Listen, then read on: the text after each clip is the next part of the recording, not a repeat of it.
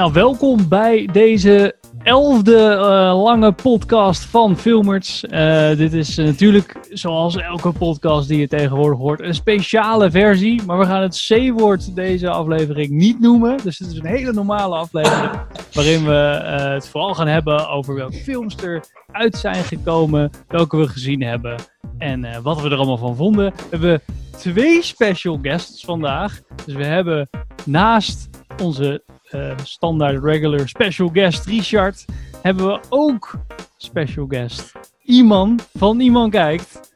Ik wou zeggen, ja, ik wou zeggen, zo special is hij niet meer. Ik nee, gewoon, eigenlijk niet. hij heeft gewoon een shirt. ja, precies, dan ben je niet meer zo special. Maar dankjewel. Uh, ja, leuk om er te zijn. ja, vet man.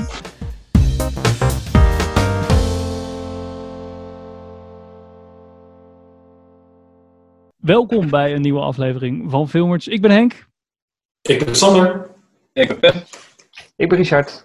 Ik ben Iman. En we gaan het dus vandaag hebben. De elfde podcast van Filmers. We gaan beginnen met de voorbeschouwing, zoals je van ons gewend bent.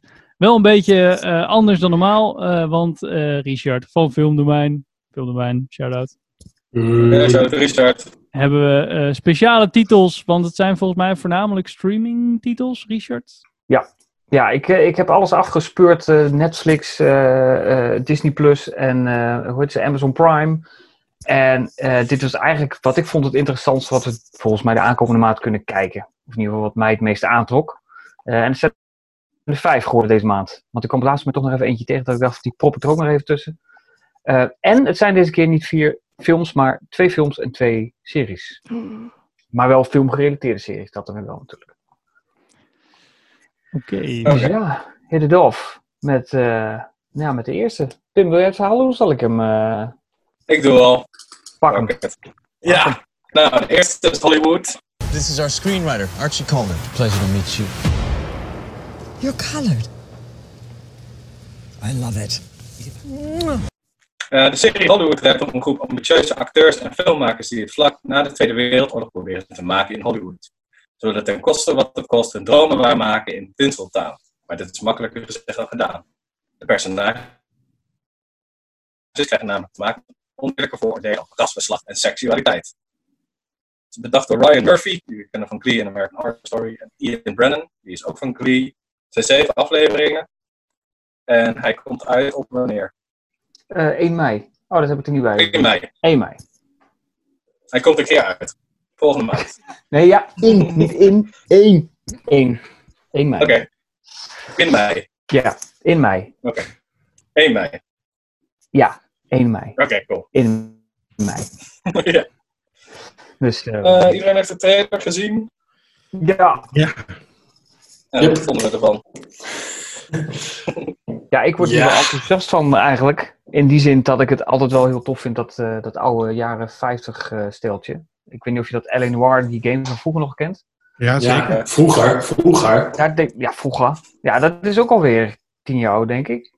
Misschien wel. Ja, misschien wel. Misschien wel ja. Maar uh, dat deed mij heel erg aan denken. en ik vond dat tof. En dan dacht ik, hé, hey, nou is film gerelateerd. Zie je een beetje Hollywood opkomen. Uh, waarschijnlijk wel met de clichés die erbij horen. Met uh, nou ja, goed, racisme, seksualiteit. ja, goh, ik had die trailer gezien. Ik dacht zo, dat is het nog zwaarder opdrukken. Heel zoet. Het begint heel erg dromerig en leuk. En denk je, oh, dit is gewoon een beetje de romantiek en een beetje de seksualiteit van. En dan opeens, bam, brandend kruis in je tuin. Ja, dat was, uh, dat was best heftig. Ja. Qua overgang. Ja, maar dat maakt hem ook nieuwsgierig wat het dan ja, worden. Wordt het al een goede balans of wordt het dan inderdaad meer zoet en uiteindelijk met alle clichés erachteraan knijt hard? Of, ik weet niet, het, het triggerde me. Ja, het zag er goed uit. Oh, oké, ik ben ik de enige die dit gewoon nooit gaat kijken, want ik, van de trailer al zag ik zo van, ah, dat is echt gewoon shit. Ik vond het echt oh, Ik wil het op zich wel kans geven. Ik weet niet of ik het helemaal ga kijken, maar misschien de eerste aflevering of zo, dan even kijken hoe het, uh, hoe het erbij hangt. Ik deed mij een beetje denken aan heel Caesar, eerlijk gezegd, van een paar jaar geleden. Here at Capitol Pictures, as you know, millions of people look to us for information and uplift and yes, entertainment. Ja, uh, het is ook, ook in Hollywood ook een beetje dat tijdperk.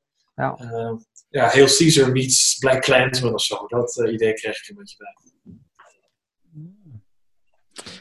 En Ryan Murphy is altijd vet. Tenminste, als hij erg betrokken is. Vind ik ook het algemeen wel tof. Ja, ik, ja, ja. echt helemaal niks. Nou ja, Oh, ja, maar ik- heb je Glee gekeken ook iemand? Of? Ja, ik ken de Glee een beetje. Ik ben, ben, Daar ben ik wat minder enthousiast over. Maar American Horror Story is vet. Eh, wat was die laatste nou die hij had gedaan? The Politician, dat is ook van hem, toch? Eh, Uit mijn hoofd. Dat is ook Ryan Murphy. In de B, hè? Oh, Lighting in the Way. Ryan Murphy. Praat maar door hoor. Eh, Live ja, fact nee, checking praat hier zo. Ja, factchecken met z'n allen even de... Maar eh, nee, ja, ik, dit leek me gewoon interessant, maar meer puur omdat het gewoon Hollywood is en filmgerelateerd. En ik, dat leek me gewoon tof. Ja, en, eh, het is inderdaad, ook maar zeven afleveringen. Dat vond ik ook wel fijn. Niet dat je meteen zo'n eh, seizoen van twaalf afleveringen weg te stouwen hebt van eh, weet ik niet hoeveel, eh, 40 minuten of een uur per aflevering. Zeker. vind ik persoonlijk ook altijd eh, eh, een pre. Dus sprak mij heel erg aan in ieder geval. Dus ik dacht, dat eh, is er eentje om eh, in ieder geval in mei eh, in de gaten te gaan houden. Dus, Dat is wel eh, hip, hè? Miniseries. ja, eh, dat klopt. Ja, of mini-events misschien zelfs. Als het nog korter is, geloof ik. Voor mij noemde het zelf zo in de trailer, of niet? Is dat zo? Oh, dat heb ik.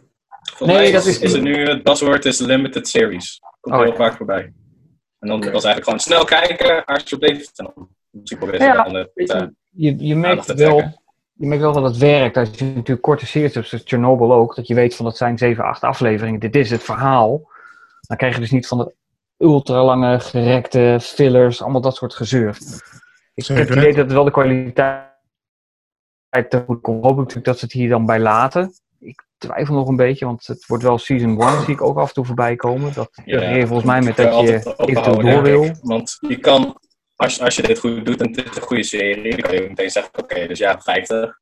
Nou ja, 60, dan heb je die hele eh, Free Love Movement en Vietnamoorlog. Nou, bij dat wel voor ben ik wakker. Dat, dat je per Dat je seizoen eigenlijk eh. 10 jaar... Ja, dan pak je gewoon archetypes van die 10 jaar. Ja, En dan kan je daar een verhaal omheen bouwen. Ja, dat zou kunnen, inderdaad. Dus Misschien zelfs wel met een nieuwe cast. Ja, precies. Dan word je gewoon een true detective. Ja, of eh wie doet dat nog meer? Fargo. Ja. Ja. Ja, precies. alright. Verder nog eh, opmerkingen erover? Of zou ik naar de volgende knallen? Volgende. Wat zei ik? Volgende. Oké. All day and night. It's crazy to have nothing to give and want to give everything. You about to have a baby, but ain't trying to make no money. Yeah, I know you got a couple bodies on you. De zachtaardige Jacor worstelt om zijn droom om te rappen levend te houden te midden van een oorlog in Oakland. Zijn noodlottige leven en echte verantwoordelijkheden drijven hem echter steeds verder over de lijn van goed en kwaad. De tragische gevolgen. Hij belandt in de gevangenis na zijn vader JD, op wie hij nooit wilde lijken. In de cel begint hij een onwaarschijnlijke reis van zelfontdekking. Eh, de regie is van Joe Robert Cole, die is de schrijver van Black Panther. Hij maakte eerder Amber Lake in 2011. En hij heeft het ook meteen geschreven. Ja. En wanneer komt die uit, Richard? Ja, goede vraag. Ergens 1 mei. 1 mei ook. ja. 1 Ja, mei. Nee, 1 mei. Ik heb hier de B erbij. Dus, eh, Ja, Oké, 1 mei. 1 mei. Oké, heel goed. Altijd als ik JD ze- zie, dan moet ik denken aan Scrubs. Dat was heel raar toen ik alleen die synopsis las, voordat die trailer kwam. Dat is oké, het gaat dus over Turk en JD. Ja. Ja, zo. Ja, ik had hier, ik moet zeggen alleen, ik had de trailer eerst gekeken en toen las ik de synopsis en te- ik had daar een heel ander beeld bij na de trailer eigenlijk. Ja, ik vond het ook echt een match. Het was voor mij meer van... Ja, in de synopsis zeggen ze, zetten ze de chronologische volgorde wat duidelijker neer dan de trailer zelf. Hmm, dat klopt. Ik denk grote, grote kans is dat hij gewoon in de cel komt en dan terugkijkt naar wat er allemaal is gebeurd. Ja, Misschien maar is wordt de- eh, de te synopsis zien kan het zijn beetje dat een, eh, alles begint en in het midden is, zit hij in de cel, bijvoorbeeld. ja. Misschien is de synopsis een beetje een spoiler voor. eh, want in de trailer viel dat wel mee, toch? De, eh, hoeveel die in de cel. het leek me. Nee, op, Ja, hij ziet het wel. Oh, sorry, Hij is- gekregen je ziet het wel, ja. eh, ja. zijn moeder heel boos op hem. Ja, precies. Ja. Ik had ook in die trailer ook meer het idee dat hij echt, dan zie je ook dat hij, eh, eh, dat, dat, dat hij zelf vader wordt en dat zijn moeder, ja, dat is wat jij bedoelt voor mij iemand als een Ja. Van, joh, eh, ga je dan op je vader lijken of ga je toch wat anders doen? Of ben je precies jezelfde als je, eh, je vader? Ik had alleen de trailer niet in de gaten dat zijn vader ook op dat moment in de gevangenis zat. Ik dacht dat dat inderdaad flashbacks en eh, dingen door elkaar heen waren. Ja, precies. Nou, dat weet ik niet. Dat was mijn beeld. Maar eh, ik, ik moet zeggen, het, le- het leek mij interessant. Afgegaan van de andere titel van Netflix, want eh, eh, Adam Sandler had ook weer van zich horen deze maand. eh The Wrong Missy. Ach, ik dacht, laat ik jullie dat nou niet aandoen. Want ik heb het echt vorige maand al Oh. aangedaan met die andere klassieker, eh, Kareem, Koffie en Kareem. Heb je Dus Uncle dacht, James gezien dan? Wat zeg je? Heb je Uncle James gezien? Ja, was Ja, dat- Ja, ja, dat klopt. Maar dat is dan één. Ja, dat, is- helemaal niks nog. Nee. Speelt hij daarin of heeft hij het ook geregisseerd? Anka Jam. Speelt Eh, alleen. nee, die heeft alleen, eh, alleen gespeeld. Ja. En die, eh, die, die Oké, ja, dat ook weer. Die broers inderdaad, ja, zoiets. Adam Sandler zoals vaker serieuze rollen gedaan. En daar was hij altijd wel goed in. Iedereen was altijd blij verrast. Zo, oh, ik kan wel echt acteren, want hij maakt alleen maar van die rommel. Ja. Het is gewoon één grote scheme om met zijn vrienden op vakantie te gaan. Dat. films. En het levert bakken mijn geld op, hè. Dat, Ja. dat zeker. Dus ja, geef hem geen ongelijk. Maar goed. Je hebt al wel een thema, Richard, om racisme. Ja, ik eh, voelde wel een... Het is allemaal wel vrij donker, eh, wat ik heb uitgekozen deze maand. Oh. Misschien goed bij de tijd, dat weet ik niet. Het is wel allemaal heel ge- naargeestig. Ja, ik haakte wel een beetje af bij deze trailer zelf hoor. Ik, ik zat de trailer te kijken en ik dacht, ja, dit heb ik echt alweer honderd keer gezien, deze film of zoiets. En, en, Ja, ik ook. Ik had precies hetzelfde. Ja. en, en toen dacht Ik zo, oh ja, het moet wel over gangster shit gaan. Ja, Ja, en dan is hij toch kut en het is weer geforceerd. Bla bla. En, ja, weet je. ik ken dit verhaal wel. Ja, dat socia- sociaal-economische bodemloze putverhaal heb ik ook al 80 keer gehoord. Ik ben er nou een beetje klaar mee. Maar het zag er wel mooi uit, dat gezegd hebben. Het zag er mooi uit, maar eh, Ja, oké. En, En het Jeffrey Wright is altijd goed. Dus Ja, ja, dat zeg ik. en, en de schrijver van Black Panther, dan weet je natuurlijk dat je een geniaal verhaal krijgt. Dat is, eh, Oh dear. Hoeveel bongo's zijn in deze soundtrack? Ja, ik hoop hier gewoon stiekem bij dat er toch ergens, afgezien van de synopsis en van de trailer, dat er toch ergens nog een soort van twist ergens in zit. En ik heb dit, die trailer daar veel meer mee speelt dan dat hele, nou goed, het hele verhaal het is na te lezen. Dus dat die het nog enigszins probeert eh, eh, de kijker ergens naartoe te sturen. Dat er uiteindelijk toch nog een verrassing uitkomt. Weet ik niet. Misschien geef ik de film nu al te veel eer, maar ik, eh, het maakte mij in ieder geval dus daarna schrik ik dat ik dacht van als ik dan een film deze maand meepak, dan denk ik dat All Day and Night daar, eh, daar wat tussen zal zitten. Ja. Dus ik ga hem wel een kans geven. Eh, Oké. Dat zei ik vorige maand ook, toen heb ik daar heel veel spijt van gehad. Maar dat zullen we het straks over hebben. Welke was dat? Koffie Oh, ja. klassiekertje. Oh, Je ja. zit daar echt met Ik zware PTSD. Ja, dat doen we straks wel. Ja. Dus eh maar goed, ik zou zeggen, ga door naar de volgende. Dan pakken we gewoon weer- Ja, oké, is goed. Uit. oké. Dat, dat gaan we zo daar over hebben. Ja, joh, spijt en berouw. Ja, Oké, zo. prop culture. I'm Dan Lanigan, and I spent my entire life collecting artifacts from my favorite films. Dit is de derde die in de lijst staat. Pop Culture is een antologie-serie die een unieke blik werpt op de geliefde Disney-films door middel van de requisieten en kostuums die ze uniek maken. De serie wordt gepresenteerd door filmhistoricus slash verzamelaar Dan Lanigan. Dat is bedacht door Jason C. Henry en Dan Lanigan. Acht afleveringen. En wanneer komt die uit, Richard? 1 1 mei? Ook, het is druk 1 mei. Ja, het wat is zou net je wat- doen op 1 mei? Maar, hey, een keer wat nieuws op Disney+. Plus. Ja, dat, eh, Wow. hebben, we- hebben ze ook wel nodig, denk ik. eh, een want anders eh, blijft, Oh, nee. gaat niemand bij Disney zitten, toch? Oh, dit is, dit is Disney sorry, Plus. Dit is, Ja. dit is 100% Disney+. Plus. Oh, dat had ik niet helemaal meegekregen. Dus Disney Plus heeft, of Disney heeft een serie gemaakt over een Disney. gast die zo.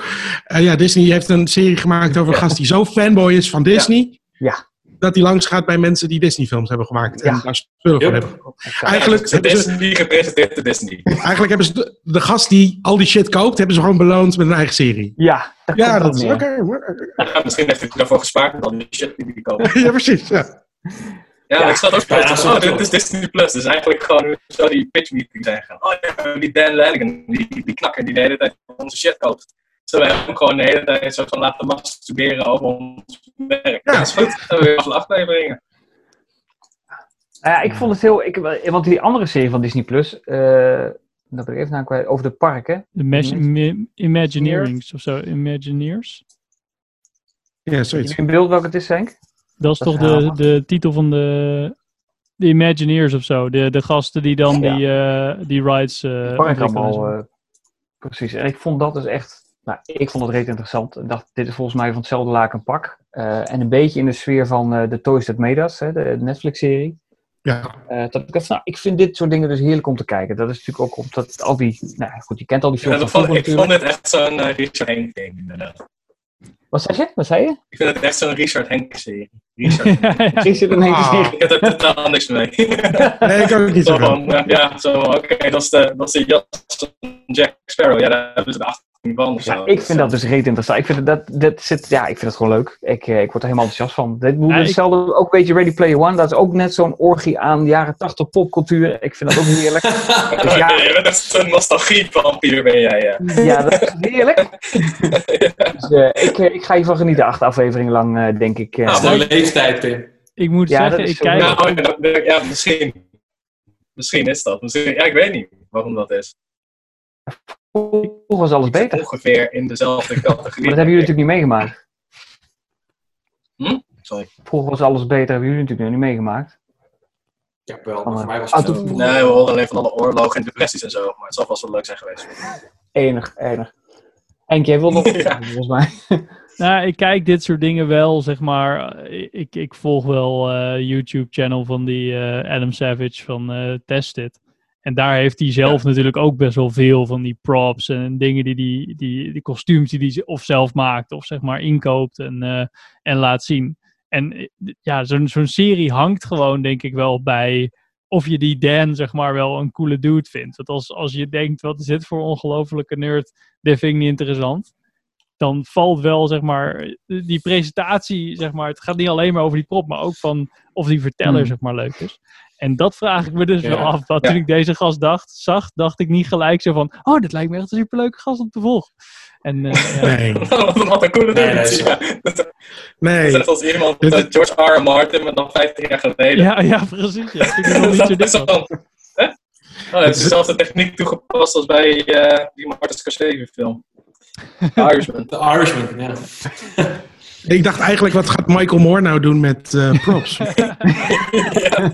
Hey, even serieus, ik dacht ook eerst hoor dat het Michael Moore was. Nou, twee honderd. Nee joh, daar ademt hij veel te licht voor man. Je hoort hem niet eh, dat hij... Ja. Ik kan dat Mike. En hij had, de verkeer, hij had geen pet op. Had een uh, Joby ook een beetje een ding. Nou, oké. Genoeg. Maar ik ga het dus alleen kijken deze maand, dat is duidelijk. Ik heb geen Disney Plus meer, dus... eh, Oh. Ja, ik kan het Ja, kind is nog niet oud genoeg natuurlijk. ik, Inmiddels ja, is het hier nu gemeengoed geworden, net zoals Netflix. Dus ik kan het er niet meer uitgooien met de kinderen. Ja, dat snap ik wel. Ja, ik, ik vond er zo weinig opkomen dat ik dacht van ja, dit, eh, dit, dit is mijn geld niet waard. Maar. zelfs, eh, zelfs nu niet. Hmm. Ze zijn wel lui, hè? Ze hebben gewoon één serie, eigenlijk. Ja. Dus het- Eigenlijk en die, die kon je al zien vanaf de start. Dus Ja. hebben Disney dacht gewoon, nee, nieuwe content. pff, Ja, die, en Frozen Dat is 2, zit zeg maar. elkaar verkeken. ja, Oh, sorry. maar ja, dat is gewoon... Nou, ik ben ook heel erg benieuwd hoe ze ervoor hadden gestaan als ze het hele gebeuren niet hadden gehad. We laten het woord niet vallen, maar ik ben benieuwd of ze er dan net zo... Want ze hebben nu 60 miljoen abonnees, geloof ik. Ze zijn wel heel erg 60 gestegen. miljoen, serieus? Ik Ja, ze zijn echt ontzettend... eh, of 30. In ieder geval veel. Heel veel hadden ze er Ja, half in. uur zitten is het thuis natuurlijk. Dus dan heb je dat wel. Maar eh, is ik ben benieuwd. best wel nieuw natuurlijk. Wat zei je, Pim? Al die Disney classics hè, voor kinderen is dat gewoon nieuw. Dus Ja, ja. ik merk het hier thuis ook. ook. Nou ja, je wordt door een roosje dan voor het eerst gekeken. Ik bedoel, dat kennen ze natuurlijk alleen maar van de merchandise op de placemats en op de bekers. Maar ze hebben natuurlijk geen idee wat het verhaal achter de roosje is. Wat is de lore van mijn placement? Ja, nou, eigenlijk wel. Oké. Eigenlijk wel. Ja, Disney Prinsessen, dat is eh, overal en nergens hier. Ga ik niet... eh, Ik zie wel dat ze eh, nieuwe dingen op aan het zetten zijn, maar dat zijn allemaal ja, oude titels, zeg maar. Dus eh, Hmm. ik zie dat bijvoorbeeld John Carter gaat ze er dan opzetten volgende maand. Maar ja, dat is natuurlijk geen nieuwe film of zo. Nee. Nou ja, goed, en de Rise of Skywalker komt natuurlijk eh 5 mei erop. Nou, whoop die fucking Go do. Boven, Sander, boven Sander. Op. Dat is een goede reden om je abonnement op te zeggen. Ja, ik zag ook op Facebook zo'n advertentie van, oh, ik krijg de hele Skywalker saga, komt op Disney Plus. En iedereen flipte de shit zo van, oh, waarom zijn er dan negen? Waarom zijn er niet gewoon drie, die Skywalker saga? Alsjeblieft. Ja. Ja, het is Ja, inderdaad. Star Wars, dat zijn toch die drie films? ja, precies. De rest was een vloek. Ja, maar ze krijgen natuurlijk wel het probleem er nu straks bij dat nou, er niks opgenomen wordt op het moment. Natuurlijk, al die series liggen ook stil. Al die Marvel-series, dat is ook natuurlijk allemaal verschoven. Dus Ja. Ja, Maar ja, dat probleem heeft. Netflix natuurlijk ook. Die krijgen natuurlijk ook waarschijnlijk ergens een dip te verwerken. Als ze dat niet genoeg verspreiden, al die eh, nieuwe series, dan kakt het daar natuurlijk ook ergens in straks. Ja, er zit ergens gewoon een, zit een rem op. En misschien gaan ze nu wel, gaat Disney Plus nu gewoon heel veel shit remasteren of zo. Oh ja. Hey, ah, deze, deze film van de jaren 60, helemaal geremasterd in HD, nu op Disney Plus. Dat soort shit. Aanpassen doen ze wel, maar daar hebben we het straks wel even over, denk ik. Ja, ik heb het gezien. Daar jeez. komen we nog even op terug. Ehm, Zullen we de volgende doen? We hebben nog twee. Tom. Over gezelligheid gesproken, de volgende. Mrs. Serial Killer. हमें ये साबित करना होगा कि serial killer अब भी बाहर है Als een dokter de gevangenis in moet van een reeks schokkende moorden, probeert zijn trouwe vrouw de moordenaar te imiteren om zijn onschuld te bewijzen. Ze vecht voor gerechtigheid en heeft alles voor over. Hoe ver gaat zij voor de liefde? Vraagteken. Nou, dat is flink India, deze serie. Wanneer komt hij uit trouwens? 1 mei. 1 mei. Hij is van Series Kunder. Yes. Die kennen we van allemaal films die ik niet kan aanspreken en Joker. Daar is een editor van. En de rest is allemaal Indiaanse. On- veel aan het onbekend in ieder geval. Iets van vier. Dit is zijn vierde film die hij regisseert. De derde lange film, om het zo te zeggen. Het is short. Ja. Oké. ja. Zit, staat iemand onze- hierop te wachten? Om zijn onschuld te bewijzen, moordt hij iedereen uit. Dat lijkt me altijd een goede tactiek. Zo werkt Ja. het. Nou ja, kijk, wat, wat iemand, zegt, iemand zegt van wie zit hierop te wachten. Kijk, wat het interessant maakt, dat ik het in India een keer. Het is weer niks Amerikaans, het, het is niks Engels. Ik dacht van misschien heeft het daardoor een, ja, een soort van verrassing in petto. Ja jongens, ik weet het ook niet. Hè. Het is gigantisch karig op het moment. Ik heb nergens uit de kiezen. Ik, vond switch heel goed. Dat je meteen zo, ja, misschien is het bla bla bla. En dan meteen op verontschuldiging modus. Ik weet het ook maar niet. dat is helemaal Ik niks. het. Nou, het was wel dat ik deze had en toen dacht ik, en had ik deze aan jullie doorgegeven, dacht ik, fuck, toen kwam ik pas een echt interessante miniserie tegen. Maar die komt dan dus als bonus. Maar toen dacht ik, ja, die kan Ah, ik niet meer zeggen van laten we deze uitpikken of we eruit laten. Maar eh, ja, god, ja, is interessant. Ik heb geen idee. De trailer eh, was een soort van sfeervol, vond ik. Alleen het kan volgens mij wel kanten op. echt iets uit India. Met zo'n zoom. Ja. Maar ze hadden ook gezongen. het echt, oh. Het was nog net geen Bollywood. Ja, misschien zit dat er ook wel in, dat weet je niet. Ja, ineens op het einde inderdaad. Ja. Allemaal singing, je weet het niet. Ja, ik heb geen niet zeg. Ik vond het interessant dat het staan titel was, maar of het echt wat is, eh, geen idee. Ik, eh, misschien ben ik voorbeoordeeld, maar ik denk het niet. Nee. Dit was ook een Netflix, toch? Ja, dat is ook Netflix. Ja. Ja, precies. Ja, het is alles wel wat we hebben besproken was Netflix, behalve die prop. prop culture, ja. Nou, het is Ja. wel, het- ik vind het wel leuk dat ze, eh, ik denk dat ook zeker voor in Nederland natuurlijk, dat wij makkelijker zijn in, zeg maar, eh, van andere landen content eh, bekijken. Zeker doordat wij gewoon heel makkelijk omgaan met ondertiteling lezen. Dat het misschien zelfs voor de Nederlandse markt, voor de Nederlandse Netflix logischer is om, zeg maar, dit soort titels ook in, in nou, misschien, was deze naar Engels? Ja, toch? Deels. Ja, half. Ja, in, in India is het echt gewoon een mix tussen Engels en. eh, Ja, precies. Nou, je hebt bijvoorbeeld eh, ook eh. Freud, van die is Zwitsers volgens mij. En dat is vo- voornamelijk eh, eh, nou ja, Zwitsers. En, eh, maar dat is een hele toffe serie. Ik heb hem zeg maar meegekeken met mijn vrouw. Maar die, ja, dat is echt een, een serie waarvan ik zou zeggen van... Wow, er, er zat echt goede, tof effect in. Echt heel vet verhaal. Echt, eh, echt zo van tof dat dat soort makers zeg maar nu een groter podium krijgen dan alleen maar dat een, een, een, een, een channel zeg, zeg maar daar in Zwitserland moet gaan kopen en denken van ja, onze markt, ja, zitten ze er echt op te wachten. En dat ze nu natuurlijk wel naar een eh, groot publiek kunnen kijken. Dat is wel tof. Ja, maar dat is ook wel tof. Dat Netflix die, die, die, die binnenlandse producties maakt voor wereldwijd. Krijg eens een keer wat anders te zien, inderdaad. Net zoals Dark natuurlijk, een tijdje terug. En Dat vond ik zelf heel tof. Eh, Maar dat, deze spreekt mij gewoon niet zo aan, omdat hij gewoon een beetje soapy overkwam bij mij. Zo, dat, is, eh, Ja. dat is ook het ideaal wat erin zit hoor. Maar, eh, Ja, het is ook een beetje precies. teleurgebruikte de presentatie. Het voelt allemaal... Ze zijn, ze zijn net bezig met echte serieuze dingen, high budget, wat niet Bollywood is. Ja. Dat zie je ook al in een film die ik wil bespreken later. Dat dat wel, je ziet het nog steeds zo, nou, ze zitten net op die rand. Ja. Dat het ergens op begint te lijken. Om het maar heel lullig te zeggen. Ah, maar wij gaan de Ares, dus wat mogen niks zeggen. Dus, Oh ja. En eh Undercover. Sorry? Ja. Ik wat op. Oh ja, ja. Oh, undercover. Ja, ja, die was waar. Ik wou gewoon even mijn woede over Ares heel even delen. hier. Oh ja, ik mag zag het voorbij komen en toen dacht ik, hm, dat is iets wat ik niet ga zien. Oké, zoals maar. Dus ik ben blij dat ik goede ben. En, en, en bevestigd. Maar je moet hem eigenlijk gewoon even kijken om te zien wat de fuck gebeurt hier. Dat is wel een... Ja, eh, dat is het ding. Dat zou ik eigenlijk doen als Netflix niet zo vervelend was met hey, wil je deze nog verder kijken? Precies. heel Zo van, nee, fuck af. Hey, er moet een knop. Netflix, Netflix, komen, moet, Netflix moet met een knop komen van sorry, dit was my fuck up, ik wil dit nooit meer zien. Misklik. En dan zo. Precies, ja, ja, ja, ja. Als je dit leuk vond.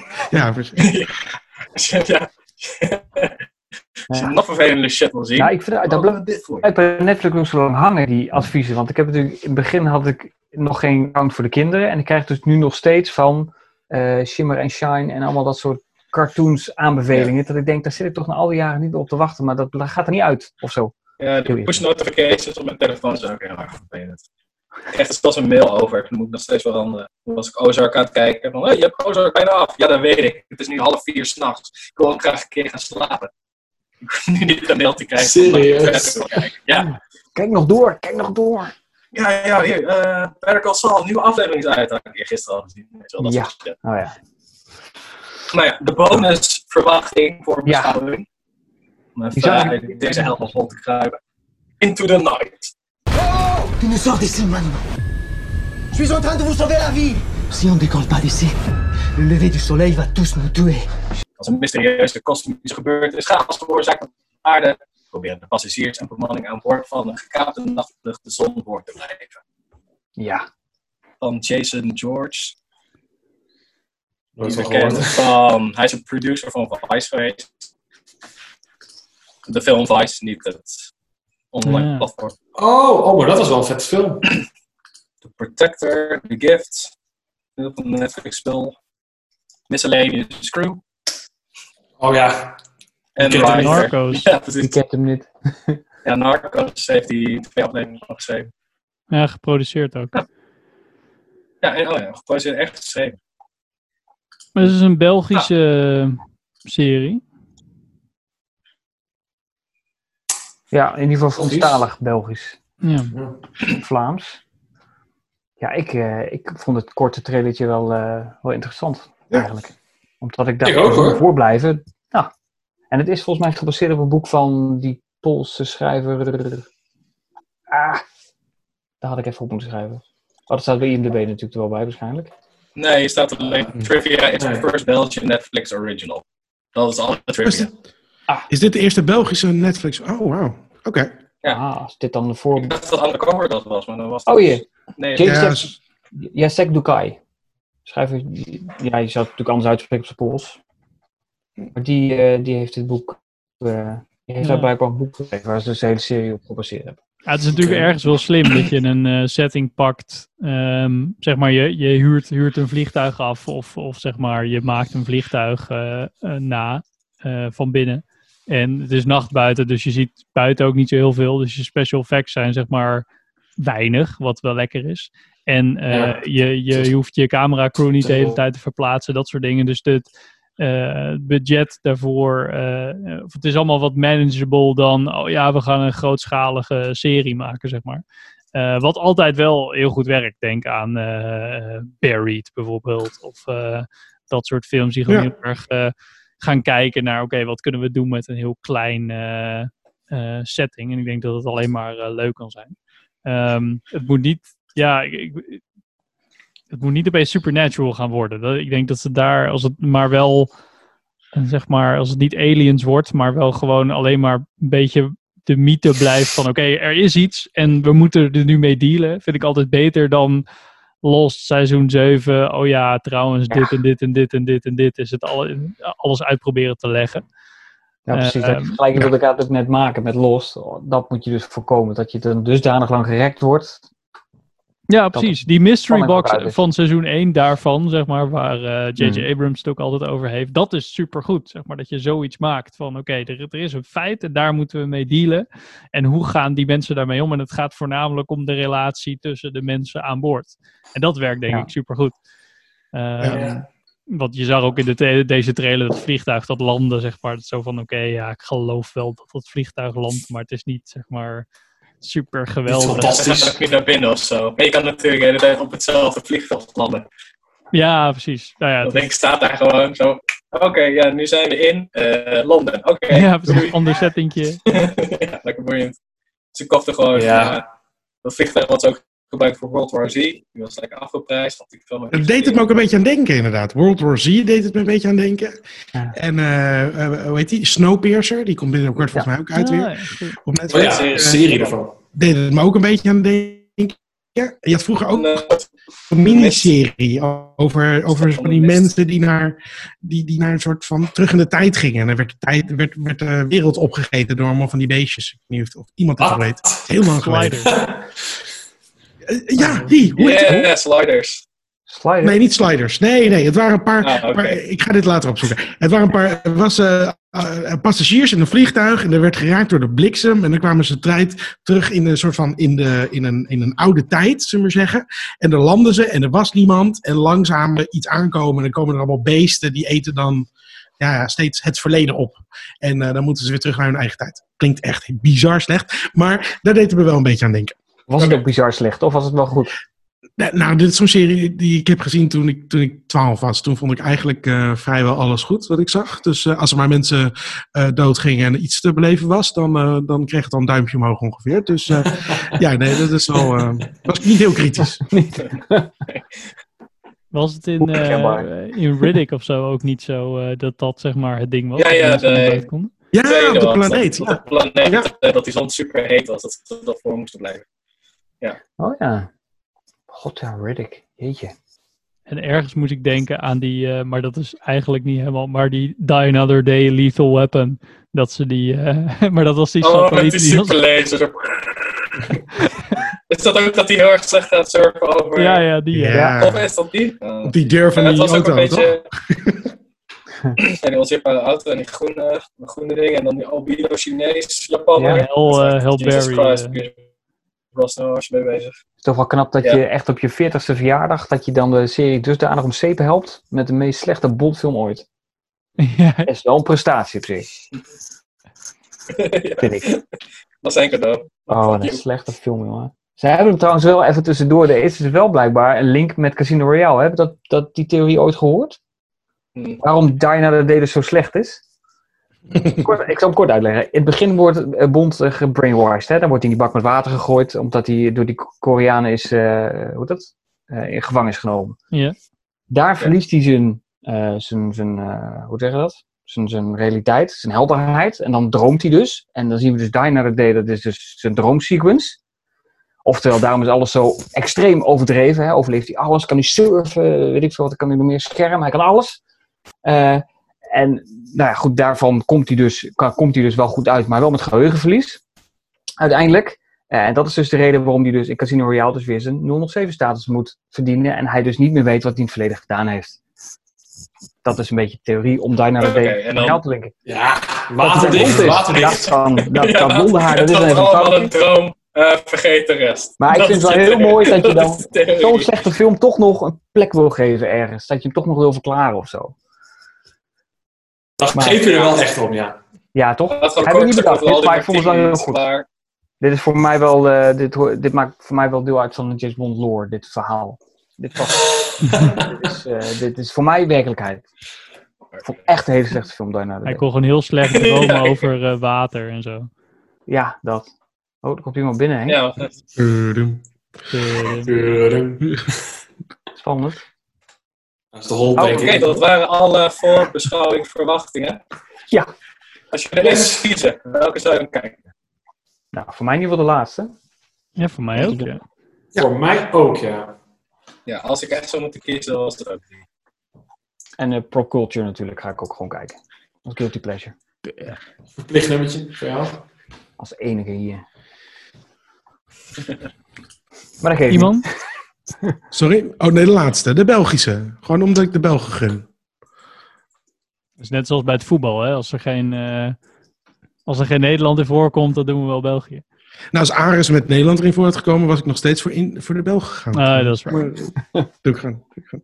Ehm, nee, ja, nee maar en, en daarna denk ik wel Hollywood. Die staan een beetje samen. Want dat vond ik wel de serie die met meest trok qua hoe het eruit ziet en hoe groot het was. En eh, dingen, maar die laatste ben ik gewoon heel erg nieuwsgierig wat ze met dat verhaal gaan doen. En dat staat of valt eerlijk gezegd, denk ik, met de eerste twee afleveringen. Als dat, eh, als dat meteen inderdaad van alles gaat uitleggen of, eh, of gewoon tenenkomend slecht wordt, dan is het meteen klaar natuurlijk. Maar eh, dat heb je altijd met deze... Waarom de zon? Eh, global warming. Oké. Ja, ik, ik ben heel benieuwd of daar niet een- meteen een, eh een plothole eerste klas in terecht gaat komen, zullen we zeggen. Want je kan niet eeuwig blijven rondvliegen, Ja. hetzelfde vliegtuig. Ja, ik bedoel, dat gaat ook een keer kapot. Dat, dat, er zijn genoeg kansen om dit logisch te kunnen denken van...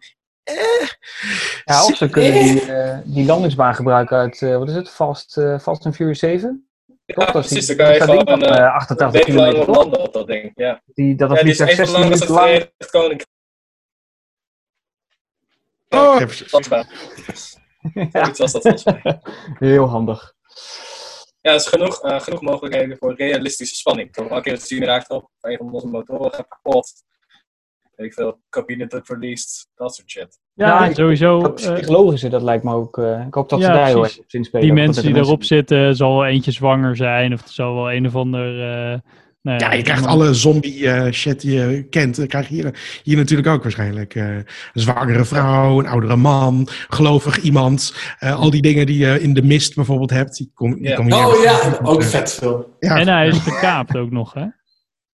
Ja, ja, maar door de enige man die de waarheid weet. Eh, de, de dude die zei, we moeten nu opstijgen, anders gaan we allemaal dood.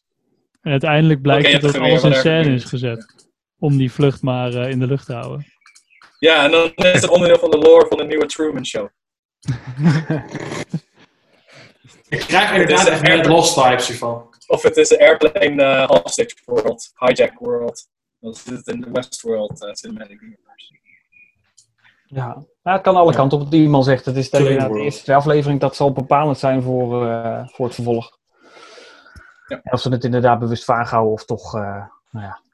Ja. Ik, ik heb eigenlijk, ik geef ze wel meer inderdaad het voordeel van de twijfel, omdat het Ja. niet Amerikaans is. Ik denk als het uit Hollywood zou komen, dan zou ik eerder geneigd zijn om te denken van, nou, dat gaat, dat gaat sneller uitgelegd worden, omdat de Amerikanen het dan misschien niet kunnen volgen. Dat weet ik niet.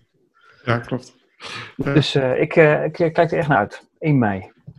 Ja, of het wordt een rampenfilm of het wordt een psychologische thriller. Ja. Nou, zo'n steeds een rampenfilm, want er zit natuurlijk steeds een rampen als basis eh, in. Maar je bedoelt Ja, meestal bij een rampenfilm denk je, oké, ramp staat centraal en dan personage loopt erin om het schaal te trekken. Maar ik hoop juist dat het karakter centraal en dan de ramp is de achtergrond, zoals bij een Ja. goede zombiefilm is. Want Zoals de de Walking mensen Dead die ooit. overleven en niet om de zombies eromheen bouwen. Precies. Zoals The Walking Dead ooit begon, hè? toen het nog goed was. Ja, zo die pilot aflevering. Precies. Hebben we hem weer, The Walking Dead. Oh, The Walking Dead gesproken. Eh, nee, nee, nee, doen we niet. Ach, Andere keer weer. anders moet ik weg. Volgend jaar, volgend gestopt. seizoen. Ze hebben gewoon de finale door de ik neus een ander telefoontje. Oké, en door. Gaan we door? Ja, dat waren ze allemaal. Yes. Cool. Ehm, gaan we door. Eh, ik wilde voornamelijk even met z'n vijven eh, stilstaan bij eh, de filmquiz van afgelopen maand. We hebben natuurlijk naast de, de, de normale aflevering hebben we ook een filmquiz, onze eigen filmquiz georganiseerd. Nummer 9. De iconische groene digitale letters die met regelmaat door het beeld lopen in topper The Matrix uit 1999 zijn geen random symbolen. Het zijn de namen van alle special effects artiesten die mee hebben gewerkt aan de film en door special effects supervisor Steve Courtley omgezet zijn in een symbolische tekst. Zo. Het is zo raar. Ik, Wat Klinkt goed voor zo'n zo, ja, is cool. Nou ja, het is echt helemaal uit mijn duim gezogen. Alleen Gerto en Niels hebben het goed. Het is niet zo. Ah. Leek me inderdaad iets te... te. Weet iemand de nou, waarheid? is- Ja. wou ik zeggen, er zit wel een waarheid achter, inderdaad. Iemand enig idee waar de symbolen wel voor staan dan? Eentjes en nulletjes computertaal. Het menu van Nee. eh, de catering. Ja, ja, inderdaad. Het is Hè? een sushi kookboek.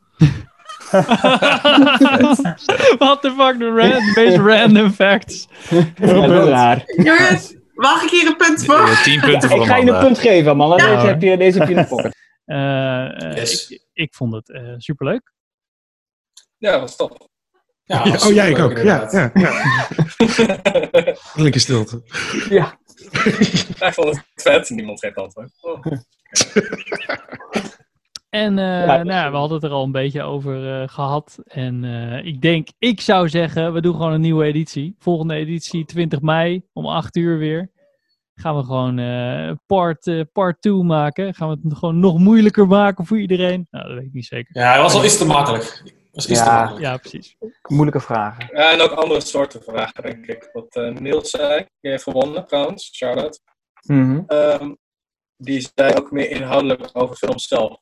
Ja. Ja, we gaan wat, eh, wat andere rondes, eh, alle wat filmers, klassiekers. eh, Yeah. Een filmersronde, een filmerslore. En we gaan Nou ja, de- misschien de wat, Netflix-ronde. Wat kleinere rondes doen. Dus eh, dat, we, dat we maar vijf vragen per ronde doen. Zodat we een beetje qua concept kunnen afwisselen. Dat we niet eh, tien vragen over dit hebben waarvan je denkt van... Oh ja, ik ken, ik ken helemaal niks hierover. Eh, dat, we, dat we het zo een beetje gaan doen. Maar het zal, het zal sowieso wel ongeveer hetzelfde, dezelfde lengte zijn. En eh kijk nog even qua format en zo. Iemand had ook hele goede ideeën. Ja, ik, ik, ik, ik had even niks te doen. En toen dacht ik, ik ga er even een mailtje sturen naar je. Iemand had Maar een heel was- boekwerk geschreven over... eh, Ja, die was Nou, het is meer dat-. Ik, ik, ik was meer dat ik dacht van, eh, want ik vond het leuk om mee te doen, maar ik dacht natuurlijk, er zitten ook mensen te kijken. En ik weet niet hoe leuk het dan is als je, als je het vanuit de computer eh, gewoon meekijkt en niet echt onderdeel bent van, van, van de quiz zelf. Zeg maar zeggen. Dat is toch even een andere feeling. En dan dacht ik, ja, dan, dan zit je gewoon naar, hoeveel waren we? Zeven? Zeven mensen te kijken die, die om te weer een papiertje omhoog houden. En ik dacht, als je het nou zou verdelen in teams, ehm, dan... ehm, een beetje à la ik hou van Holland, dan, dan kan je nog een beetje intern conflict hebben. Dat één iemand zegt, nee, dat is echt die film. En de andere zegt, nee, dat is echt die film. En dat je één antwoord moet krijgen. En ehm, een soort team captain die dan de laatste C heeft om eh, wat het e- echte antwoord is. En dan, dan gaat het wat sneller. En dan kan je nog steeds meedoen. Alleen dan hoef je niet eh, zeven mensen een antwoord te laten geven. Ja. Daarnaast hoef ik dan niet de hele tijd afgerekend te worden als ik het zelf alleen fout heb. Dat is ook prettig. Ja, precies. Zeker. En dan hou noemen we het. Ik hou van filmers. ik Ja, hou dat van filmers. Oh.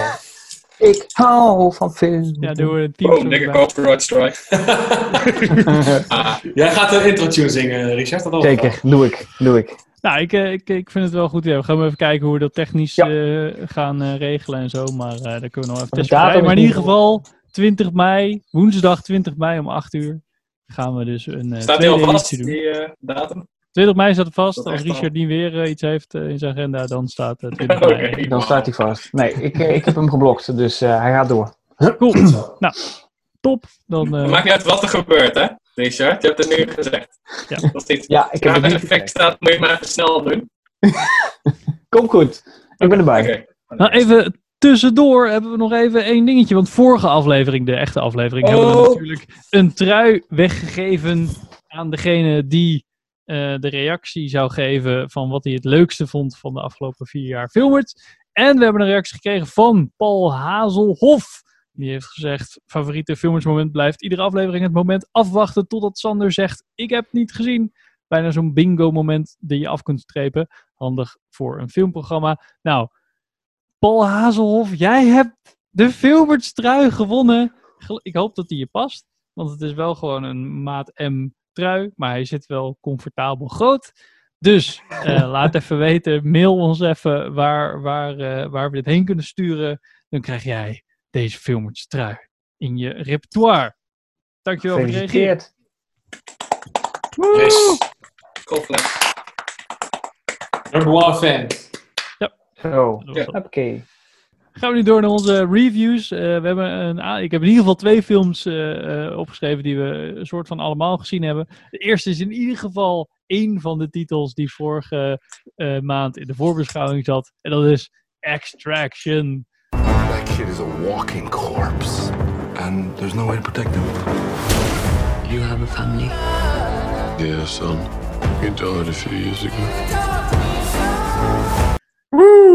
Yeah. Eh, Extraction is een Netflix film, is van eh, Sam Hargrave. Dat is eh, een, eh, voornamelijk heeft hij heel veel stunts gedaan bij eh, Ja. Marvel en heel veel bij de Russo Brothers. Want die hebben natuurlijk de eh, Captain America films gemaakt en eh, Avengers eh, Infinity War en Endgame. Eh, deze film is dus geregisseerd ook door zijn eerste, of zijn eerste regiedebuut van die Sam Hargrave. Maar hij is wel geschreven door Joe Russo. Ehm, want het is ook de comicboek die geschreven is door de Russo Brothers en eh Andy Parks. En die, die heet Ciudad. Ehm, maar Oké. dit ging wel een soort van over, een, over iets wat geëxtract moet worden, maar was volgens mij wel een meisje. Maar in ieder geval eh, loosely based volgens mij. Ehm, de film is met Chris Hemsworth, Randeep Hooda, dat is die, de, die vechtdude waar, waartegen hij eh, vecht, die Indiër. Eh, die Goldshift Vechtdude, eh Farahadi, Farahani, dat is die vrouw. En eh Rud, Rudrish eh Jaiwal, dat is dat jongetje.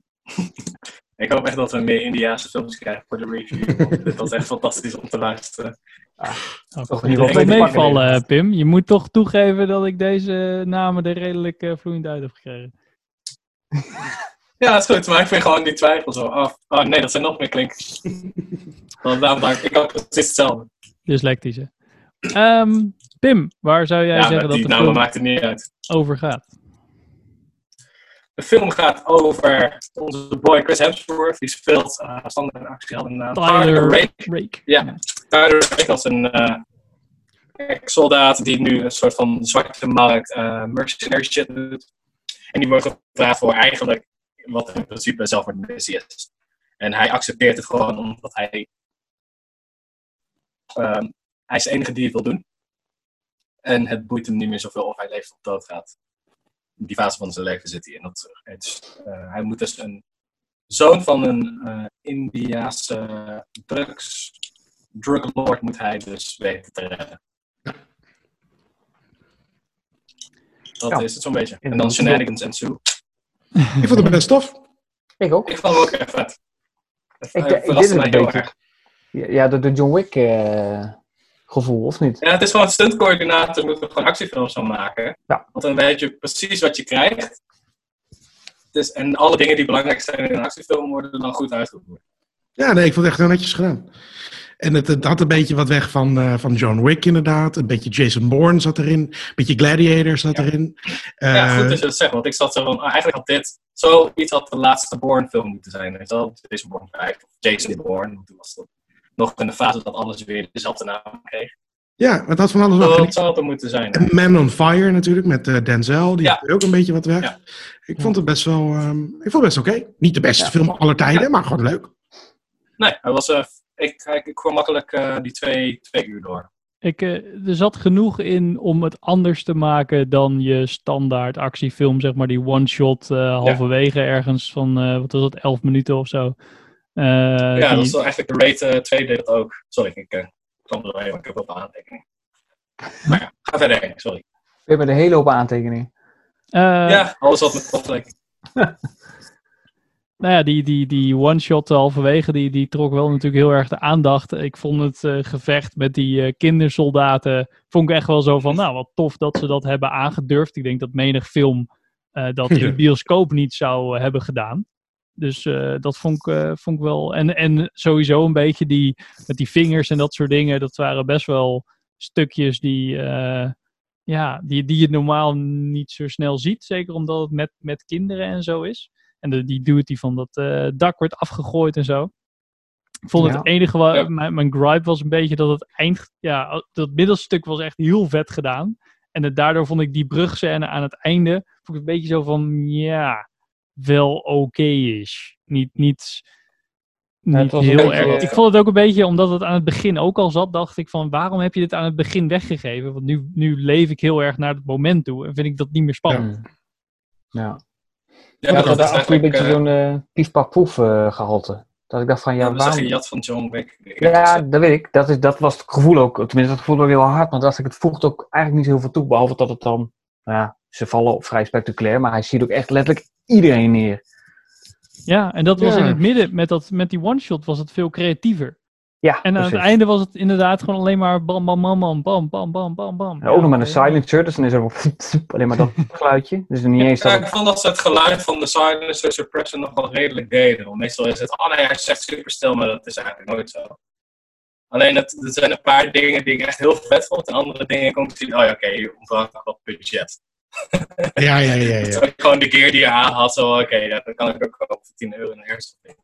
Dat was een kleine Hmm. jongens. En, eh, er ontploft op een gegeven moment een auto. En die zie je ook wel dat het eh, de effect op een gegeven moment een, eh, Ja. dat dat budget er niet helemaal was, zeg maar. Eh, ja. En handgranaten hebben zo'n, die laten zo'n vuurzee achter. Zo van, oké, die dingen zijn gevuld met fucking benzine. ja, ja. Maar dat klopt ook niet. Maar ja, wat me echt opviel was wel echt de, het goede camerawerk. Wat, daar- wat ze eigenlijk ook in de Raid doen. In de Raid 2 vooral. Hebben ze ook, heb je ook een hele one-shot actiescène. Met a- auto-achtervolging. Dat is echt super vet. En het is gewoon... Ik, vind, ik vond het subplot ook wel tof van, de, van die gangster en dan de jockey. Wat eigenlijk ja, zijn enige reden... Of zijn enige carrièrepad is dat doen. Ja. Dat wil hij ook heel graag. En hij snapt ook een beetje hoe die wereld in elkaar zit. En dat vond ik wel interessant. Ja. Om meteen loyaliteit afdwingen en slim zijn. Alleen vond ik het wel weer vervelend dat je kon voorspellen... Oké, hij schiet dan aan het einde schiet personage neer. Dat Maar vond jij, vond jij die eindscène wel gratifying genoeg? Ehm, op wat voor bedoel je?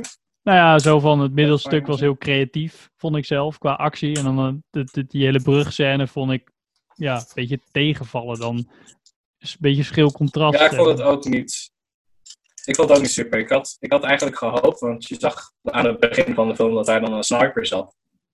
Dat, dat van die hele brug verlaten was. En dat hij eigenlijk samen met dat kind dat moest navigeren.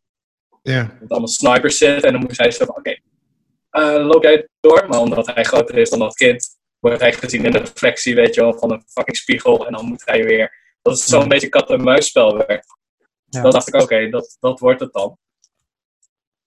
Maar ja, het, is, het werd een beetje, je zag dat ze zichzelf een beetje in een hoek hadden geschreven, omdat ze geen coole camera shit konden doen. Want de brug was gewoon heel smal en ze, je zit elkaar gewoon heel erg in de weg. Ja, maar toch zou je daar zo'n one-shot... Zo'n one-shot had daar natuurlijk ook kunnen werken. Dat je maar dan hem had je aanloopt weer en dan... Nou, stel nou dat je, hij gaat aan de zijkant van de bus en die camera gaat dan in de bus en die filmt het dan vanuit de bus en dan vooruit er weer uit en dan zo... Dat, dat, net zoals dat creatieve middenstuk, daar hadden ze natuurlijk met die brug veel meer mee kunnen doen. Maar dat zal misschien budget zijn geweest, dat weet ik niet. Maar daar hadden Ja, ook een beetje aan de setting. Ik vind een one-shot om het doen van een one-shot vind ik nooit zo'n goed excuus. Dus je moet wel iets hebben wat het verantwoordt. Dus je kan er nog een keer een one-shot doen, maar dan, dan staat je weer te denken van ja, eigenlijk was die eerste one-er die ze deden veel cooler. Want er zijn Ja, auto's in en shit. Ja. En ik ga bij zo'n one-shot toch altijd de hele tijd letten waar ze snijden. Ik het, het was namelijk niet een echte one-shot, toch? Nee, nee, nee. nee. Het was het gevoel, net zoals ehm 1917. Een Ik one-shot bedoel, er werd constant werd er ergens op weggedraaid en dan werd het weer overgepakt, zullen we maar zeggen. En dan ga ik toch de hele tijd op letten. En dat leidt het me meer af van de film. Het is heel tof gedaan en het is heel netjes. Maar het leidt me toch dan een beetje af als het, als het dan niet volledig echt is of zoiets. Ja, die Children of Men one-shots waren dan intenser of zo. Omdat je dan Ja, dat- zo zat van... Wow, dit is echt... De eerste keer dat ik die film zag, zat ik echt zo van... Wow, dit is... Ze zijn nog steeds aan het draaien. Ja, en zeker als je dan die making-of ziet en hoe iedereen zo'n raar dansje moest doen in die auto en moest bukken en, bu- en buigen om eh, die camera door te laten. Ja, er blijkt wel een, een knip te zitten volgens mij. Oh ja, maar dat vind ik Ja, ook op het erg, moment dat er geschoten wordt, volgens mij. Ah, Je Dat merkt- je eh, geraakt wordt. Je merkt altijd als je gaat kijken naar dat soort, naar dat soort films en er zit zo'n one-shot in, dan ga ik, ga ik toch de hele tijd kijken. Ja, oké, wipe voor iemand langs. waar, waar gaan ze knippen? En dat lijkt me dan toch altijd een beetje af. En, en ik vind het heel tof hoor. Maar het einde van die brug vond ik voornamelijk het probleem is dat je net nog wat meer verhaal had verwacht. En op een of andere manier leek het verhaal een beetje op. En toen was dat klaar. En toen dacht je, was je nog niet helemaal vervuld qua, ik, ga, ik wil niks spoilen, maar dan was je nog niet helemaal vervuld van, nou ja, er moet eigenlijk nog wat gebeuren, of met iemand. En dat werd er toen een beetje een soort van achteraan ge- gedaan, van, oh kijk, dat lossen we zo even op. En nu is de film afgelopen. Ja, Ja, ja ik, zat, ik zat ook zo een beetje. Het is, eh, Anticlimactisch ik- een beetje, maar eh, ja. Ja, en dan ook nog zo'n eh, ambiguous ending. Oh, natuurlijk. Oh ja, ja. Maar, maar eh, ja, ik vond, ik vond het juist wel tof dat ze one-shots deden, want dan kon ik extra goed letten van, oké, klopt die shit allemaal, want ik ben al zo'n psycho. Dus als er guns in zitten en ze doen het goed, dan is het voor mij al heel snel goed. En dat klopte gewoon. Er zaten een paar dingetjes in die ik echt gewoon, zo van, die vielen mij op en dan valt denk ik niemand anders op. Ik zat van, oké, deze film is even vet.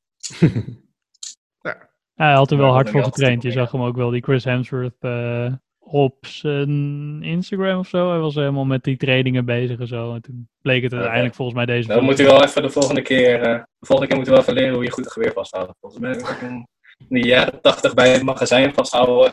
Je hebt zo'n rail en dan hou je, hou je bij het magazijn vast. Dat is niemand meer. Dat is echt, dat is echt het enige. Ik zat echt zo, ah, waarom, eh, alles klopte verder. Er zat zelfs een malfunction in en ik zat van, oh, dat pistool gaat niet nog een keer af. Dus ik ben benieuwd of ze daar gaan kijken. Nee, maar hij haalde gewoon, hij deed gewoon de steden opnieuw zoals je dat zou moeten doen om die slechte Ja. eruit te krijgen en dan een nieuw patroon erin. Ik zat er zo, oh vet, dat hebben ze dus al verwerkt in de choreografie. Zo, Oké, dit kan wel wat worden. Als ze nu gewoon een betere schrijver krijgen, dan eh, vind ik voor, als het technisch, op het technische vlak vind ik de regie heel goed. Dat zijn echt wel verhaaldingen waarvan en budgetdingen waardoor ik het niet super vond.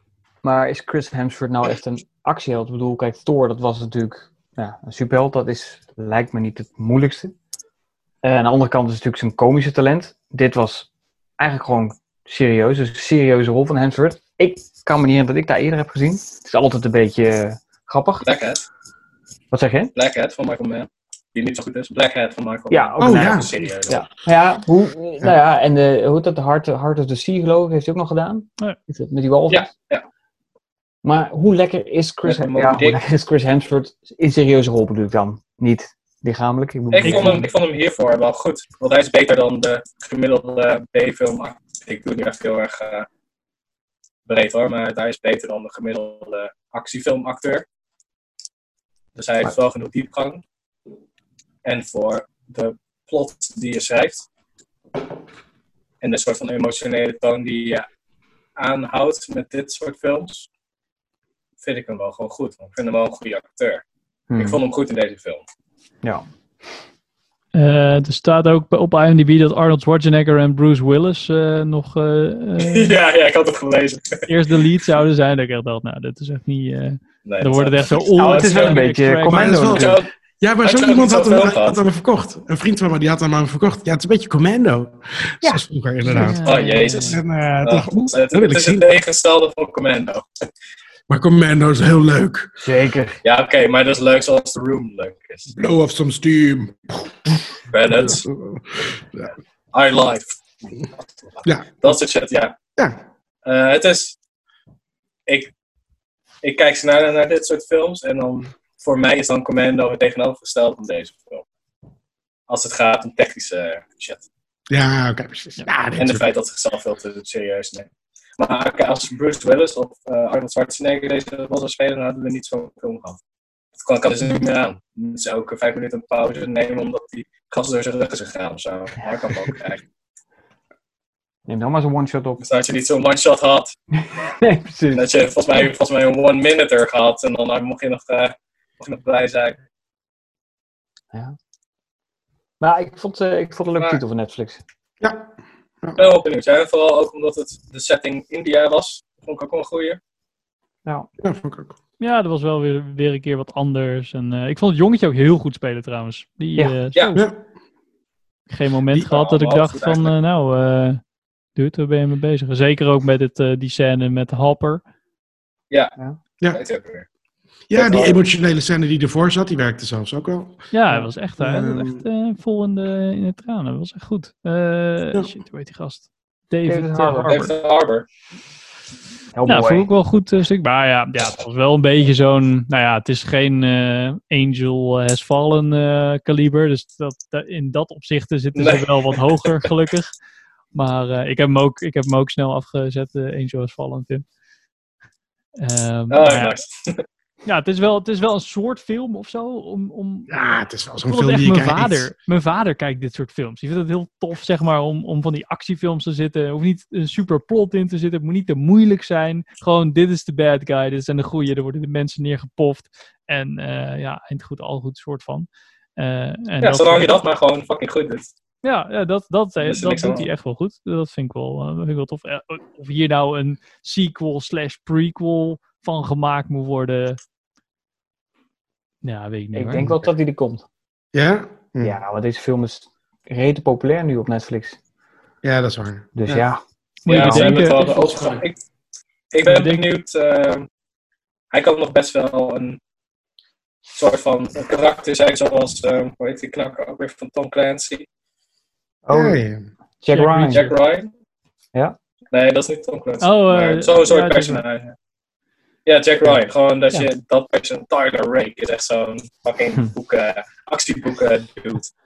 Dus dan kan je gewoon hetzelfde doen. En dan maak je allemaal een soort van mini-verhalen. Wat daarvoor afspeelt, wat erna afspeelt, whatever. Misschien wordt hij wel de bodyguard van dat kind.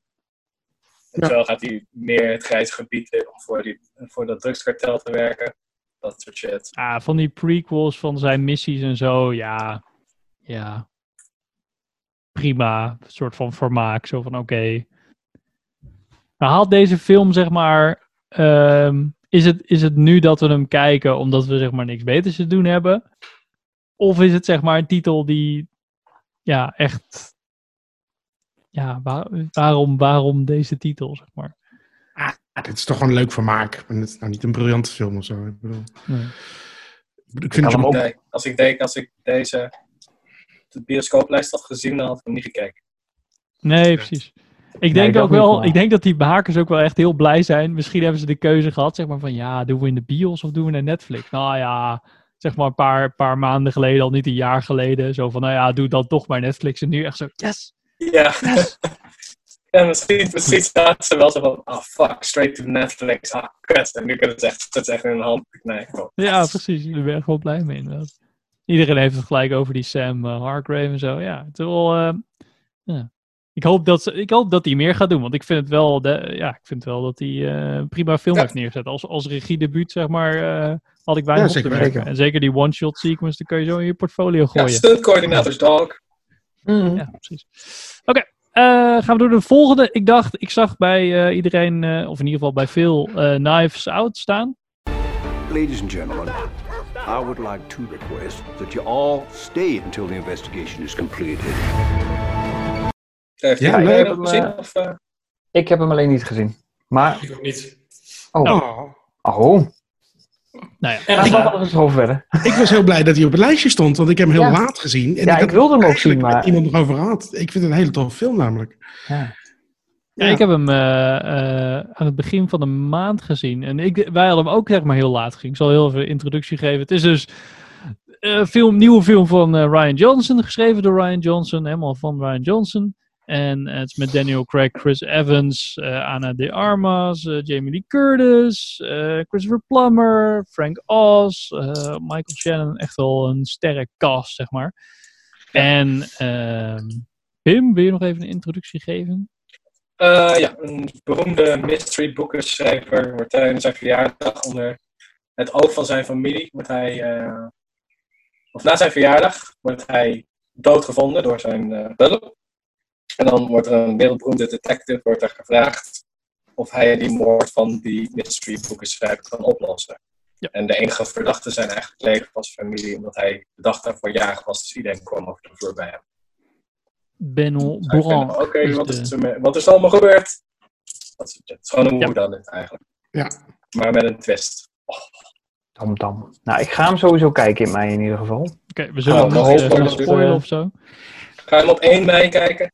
Ja, Ja, ik heb, door 1 mei heb ik het super druk. ja. Helemaal vol. 1 mei is helemaal vol. Kinderen doen hun vader niet meer. Nee. Is wel echt goed. Ik vond hem echt leuk.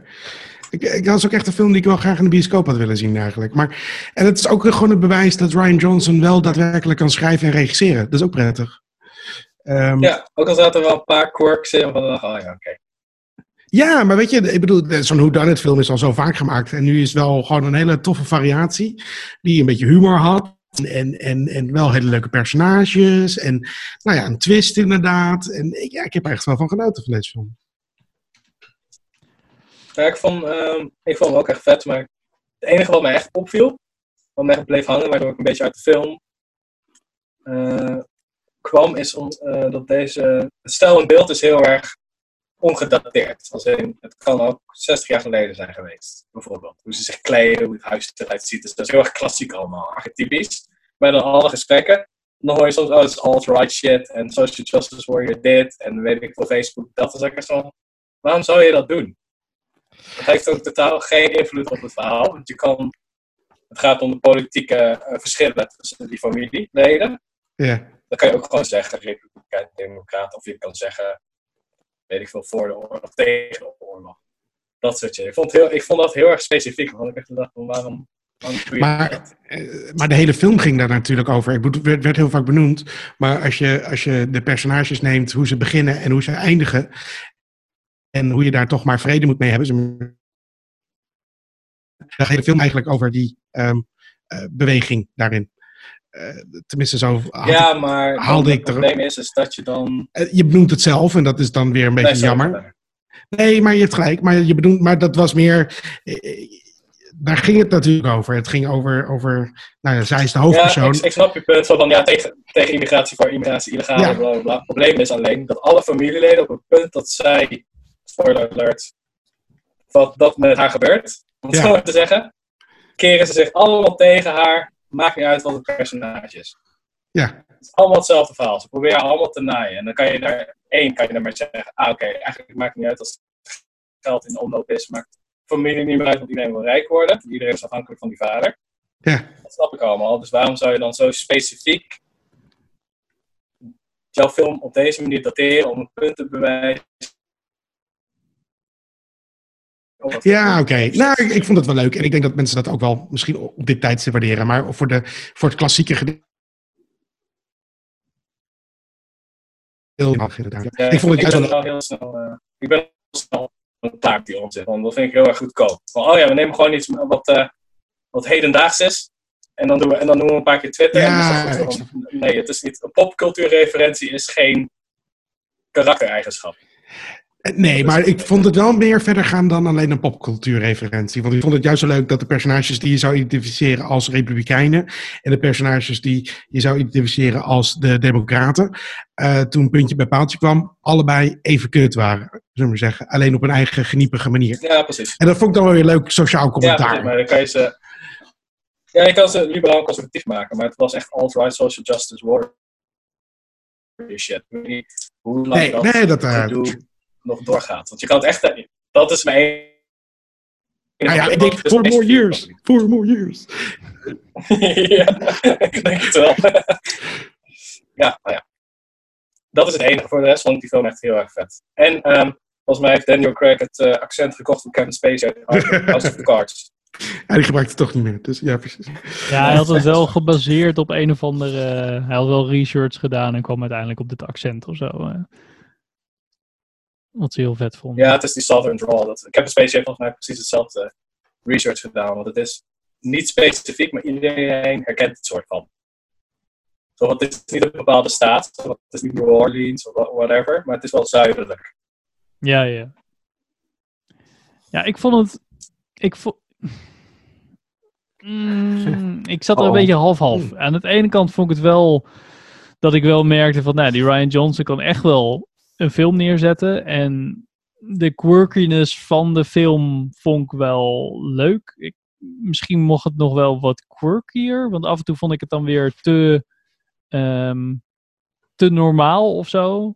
Ik zag, een paar van die shots, eh, hij, houdt volgens mij wel van.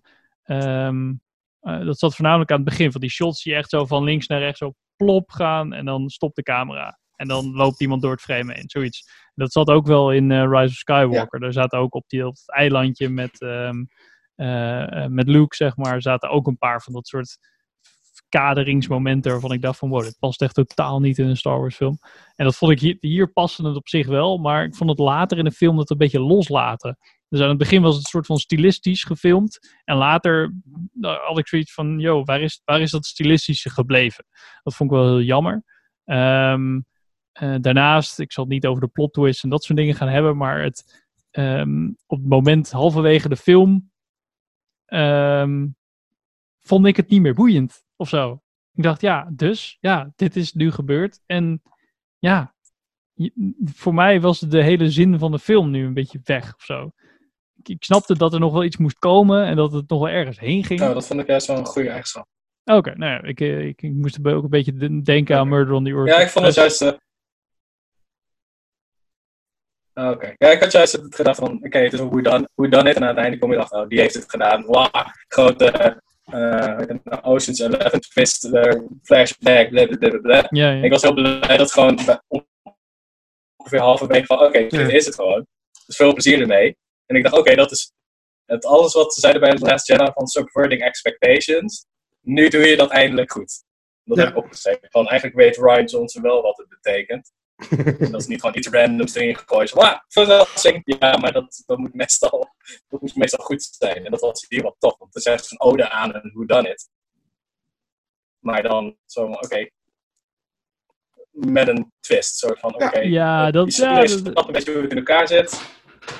Ik snap ook wel dat je daar misschien een beetje afhaakt, omdat dat niet meegaat in je verwachtingen van de film. Ja. Maar ik vond, ik vond het heel leuk. Ik vond het eh, juist een beetje verfrissend. Nou, ik vond het daarnaast gewoon Ja. niet zo boeiend meer. Ik vond het wel, ik snapte zeg maar van, oh ja, grappig dat we nu halverwege zeg maar iets anders krijgen dan je zou verwachten. Maar ik vond dat andere gewoon dat ik dacht, ja, ja, dit, dit, dit, hier, Ja. hier heb je me niet meer mee of zo. Ik zit nu echt, ja. Het, het werd een beetje wel. trager voor Ja. mij of zo. In plaats Het van enige dat wat ik wel. Het enige wat ik wel kut vond, is dat ik al wel had voorspeld. Ja, nu moet je eigenlijk een soort van. Ehm, ik had eigenlijk aan het begin al wel voorspeld van. Oké, die heeft er wat mee te maken. Om het zo maar te zeggen. Want ik wil niks spoilen nu. Mhm. Moet mijn oortje uitdoen? Dat is eigenlijk waar de twist in zit. Huh? Even mijn oortje uitdoen? Ja, je kan even je oortje uitdoen en dan zwaai ik wel. Is Ja, ik doe hem even uit. Zo. Ja, jullie ook? Ja? Ja, oké, we gaan spoilers voor eh, Knives Out. Eh, ja, nou, spoiler van Knives Out. Ik had ehm, al meteen zo van, oh, gaan ze echt dat Chris Evans er wat mee heeft gedaan? Gaan ze dat Ja. echt doen? En dan dacht ik, Ja. oh, oké, dat doen ze niet. Want aan de dermas, eh, het is allemaal een ongeluk. Maar dan toch is het zo, oh, Chris Evans was eigenlijk wel gewoon de moordenaar als er niks anders was gebeurd. Dus dat vond ik wel weer een beetje afbreuk doen aan de film. Ja, dat vond ik. Het had eigenlijk moeten zijn dat Chris Evans zijn karakter gewoon zei van ik heb eigenlijk zo'n hekel aan familie, maakt me geen één flikker meer uit. Zoals hij eigenlijk in de, in de eerste, eerste helft van die film was. Van, mij maakt het niet uit. Ik vind het juist heel cool dat jij het krijgt, want dan is iedereen kwaad en daar doe ik het om. Dus ik wil gewoon die chaos in de familie zien. Maar dan toch aan het einde, oh eigenlijk was hij wel een soort van originele moordenaar, bla bla bla. Dat vond ik weer echt zo kut. Zo, ja, Ja. what the fuck. Ja. Ja. Zullen we even inzijnen dat ze weer eh woordjes in mogen doen? Of, eh? Eens.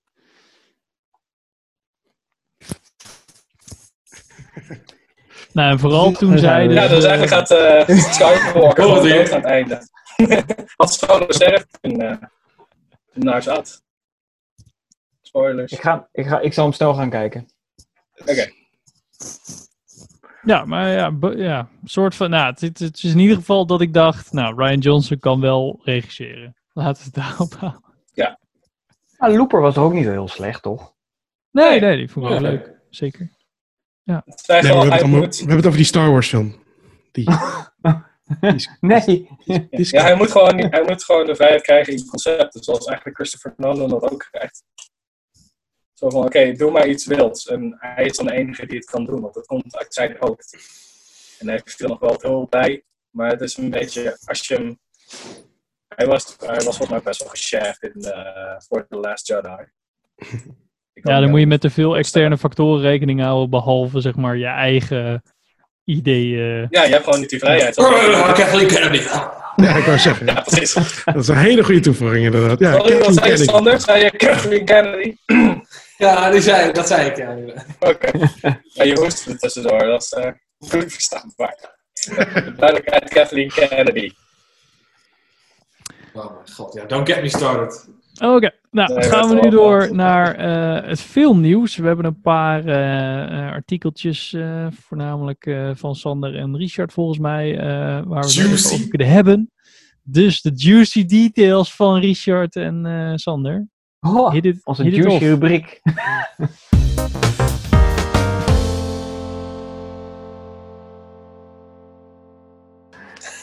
Het is heel goed Nou ja, ik wilde natuurlijk nieuwtjes hebben die niet gerelateerd waren aan het hele gebeuren. Want alles gaat natuurlijk over het uitstellen van films en noem het allemaal maar op. Eh, en dat was ook vrij lastig. Maar er waren toch twee dingen waarvan ik dacht van nou, dat is aardig over te hebben. En die andere was ik van, wow, dat kan nog wel eens wat invloed hebben voor de toekomst van de bioscopen. Eh, de eerste was de censuur van Disney die weer eh, toesloeg. We weten natuurlijk dat Song of the South uit 1946, die hebben ze natuurlijk bij Disney Plus, nou, die voegen ze gewoon niet toe, want dat is te racistisch. Toen hebben ze ooit bij Lilo en Stitch, hebben ze zelfs, eh daar kruipt Lilo in een oven om zich te verstoppen tijdens het verstoppertje spelen. Dat hebben ze aangepast naar een kast, want ja... of het was, nee, het was een wasmachine geloof ik. Het was een wasmachine, dus waren ze heel erg bang dat kinderen in wasmachines gingen verstoppen. Met alle, alle ellende van, eh, van doen. Dus daar hebben ze omgeruild voor een kastje. Toy Story 2. Hè, hebben ze die after credit scene eruit geknipt met de hele MeToo. eh, Casting couch, verwijt erin. Ja, precies. Die is er ook uit. En nou hebben ze het weer gedaan. Met de film Splash uit 1984. Ja, dit is echt... Tom Hanks. En wat er nou gebeurt is dat Daryl Hannah... eh, ja, je kunt het stukje nu wel inmonteren, denk ik Henk. Dan kunnen we meteen live meekijken. Ehm, dat zij rent eigenlijk de zee in. En dan zie je een flart van een bil. En wat hebben ze nou gedaan? Ze hebben haar haar digitaal verlengd. maar dan wel op niveautje snor van Henry. Cavill. Dus het ziet er gewoon niet uit. En het is echt, nou ja... Het is heel raar. Nou, en de snor van Henry Cavill was had eh, meesterwerk. bij, eh, eh, Ja, nou ja, vergeleken met dit wellicht. Maar ik vind het, eh, ik vind het eh, een bijzondere ontwikkeling. Omdat Disney, ja, Disney is natuurlijk niet het meest sexy bedrijf of het meest vooruitstrevende bedrijf in waar leggen we de grens. Het is allemaal vrij preuts. Dat mag. Ehm, maar ik vind het toch opvallend dat dit soort dingen uit de jaren 80 of 90 toch aangepast worden nu. Eigenlijk. Ja, wat dan met terugwerken. was met E.T. was het toch ook zo? Wat zei je, Pim? Had dat ook. Oh. E.T. deed dat toch ook? Ja, met die eh, shotguns of die eh portofoons. Shotguns en dan radio's. Ja. Ja. ja, want agenten Ja. in Amerika hebben geen wapens. What the fuck? Oh, ja, hallo. Stop, stop. Maar heb je... Heb, Henk, heb jij Schiet dit door de ook, porto. eh, had jij dit ook gezien bij VFX Artist React van Corridor Crew? Ja, Corridor Crew heeft dus elke wat is het, zaterdag hebben ze VFX RS React. Dat is een serie waarin ze dus kijken naar eh, special effects in films. En een van, deze, een van die stukjes was dus eh, dit Deze stukje van. Splash.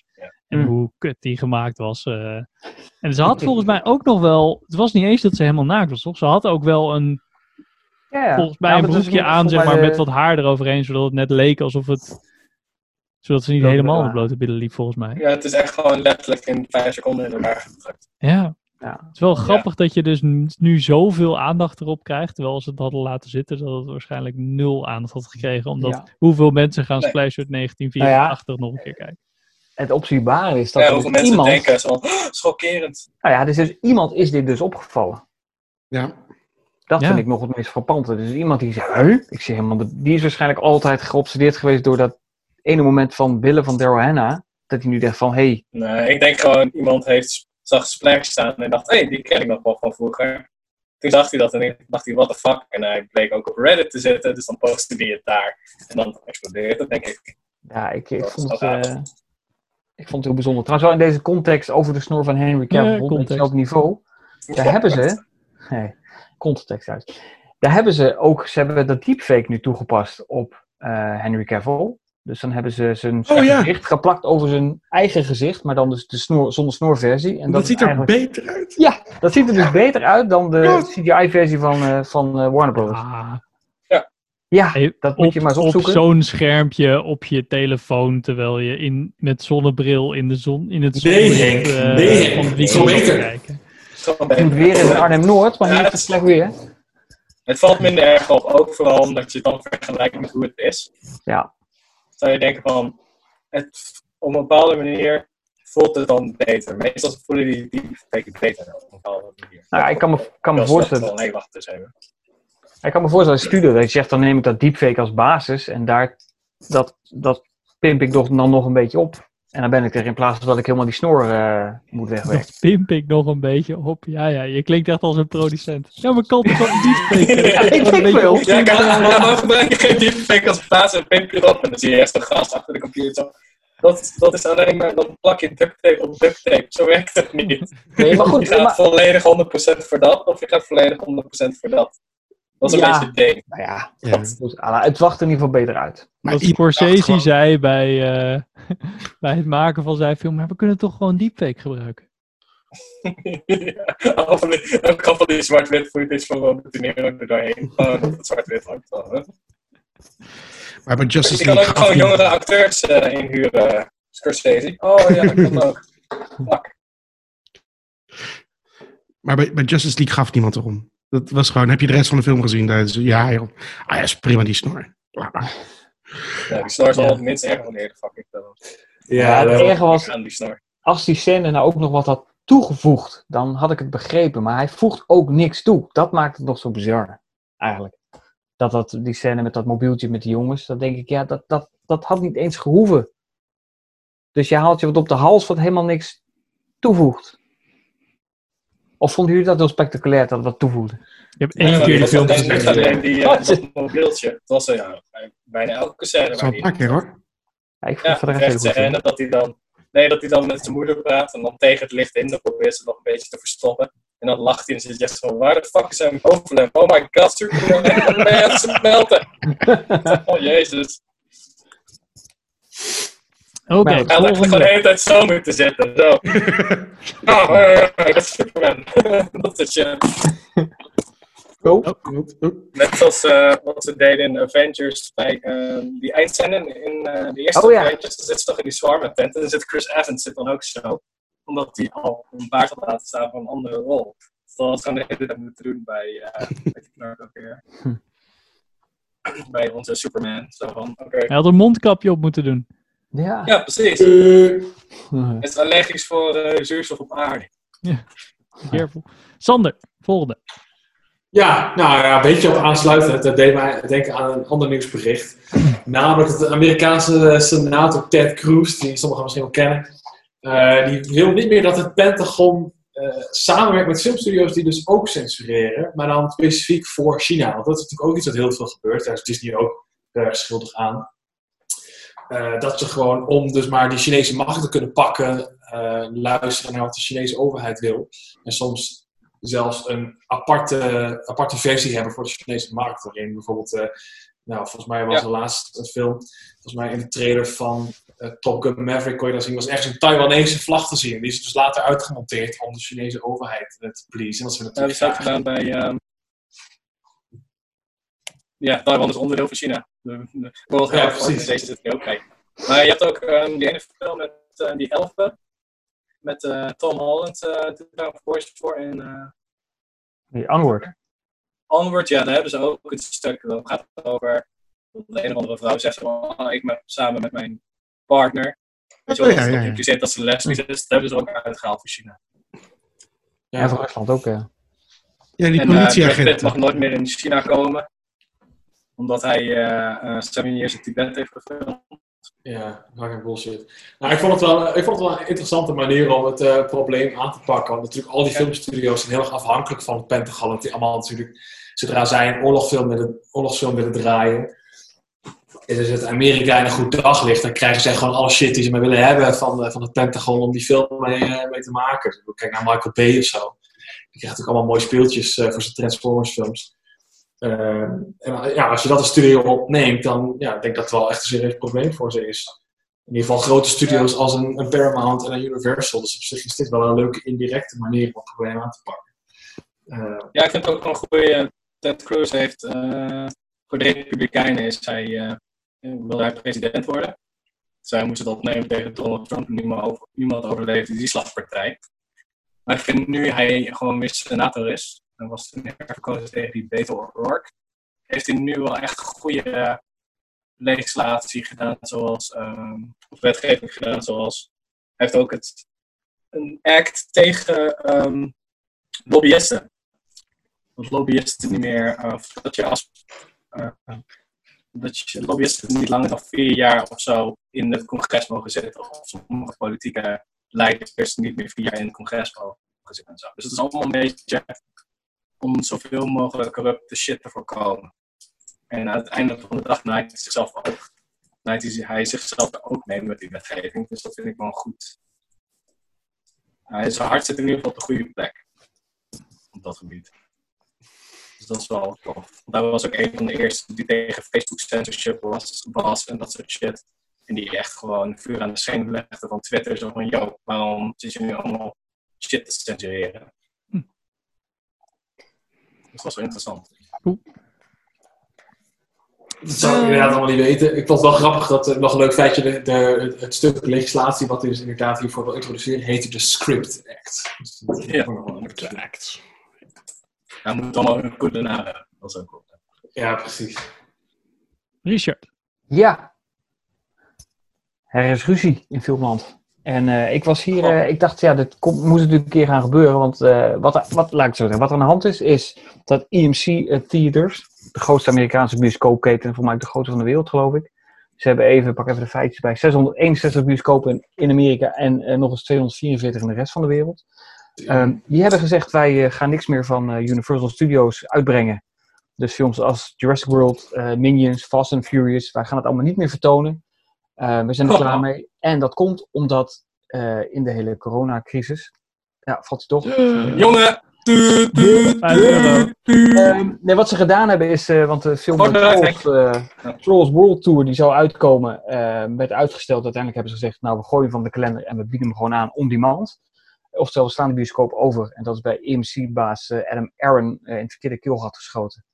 Eh, die was daar zo kwaad over, dat hij dus nu heeft gezegd van eh, alles wat voor Universal is, dat eh, gaan wij niet meer vertonen. Het is Jezus, nu man. makkelijk lullen, nu je deuren dicht zijn, nu valt er ook niks te vertonen. ja. Maar goed, is, het is natuurlijk wel, kijk, Universal heeft nu volgens mij 100 miljoen dollar met die film verdiend. door hem alleen on demand aan te bieden, waarmee de film zelfs succesvol is als een voorganger. Of in ieder geval, Universal heeft er nu al meer mee verdiend dan de film hiervoor die in de bioscoop draaide. Dat komt namelijk omdat 55% vloeit terug, normaal gesproken, naar de st- studio's. Eh, en dit keer was dat 80%, eh, wat ze dus binnenhouden Ja. van het bedrag. Eh, dus ze verdienen daar veel meer aan, procentueel gezien. En dus zij waren er heel blij mee. Dus nu is het gevaar, gaat het vaker gebeuren met films die dus de bioscoop over gaan slaan. Ehm, waardoor dus de bioscopen zeggen van, ja, daar zijn we niet van gediend. Of in ieder geval EMC in dit geval.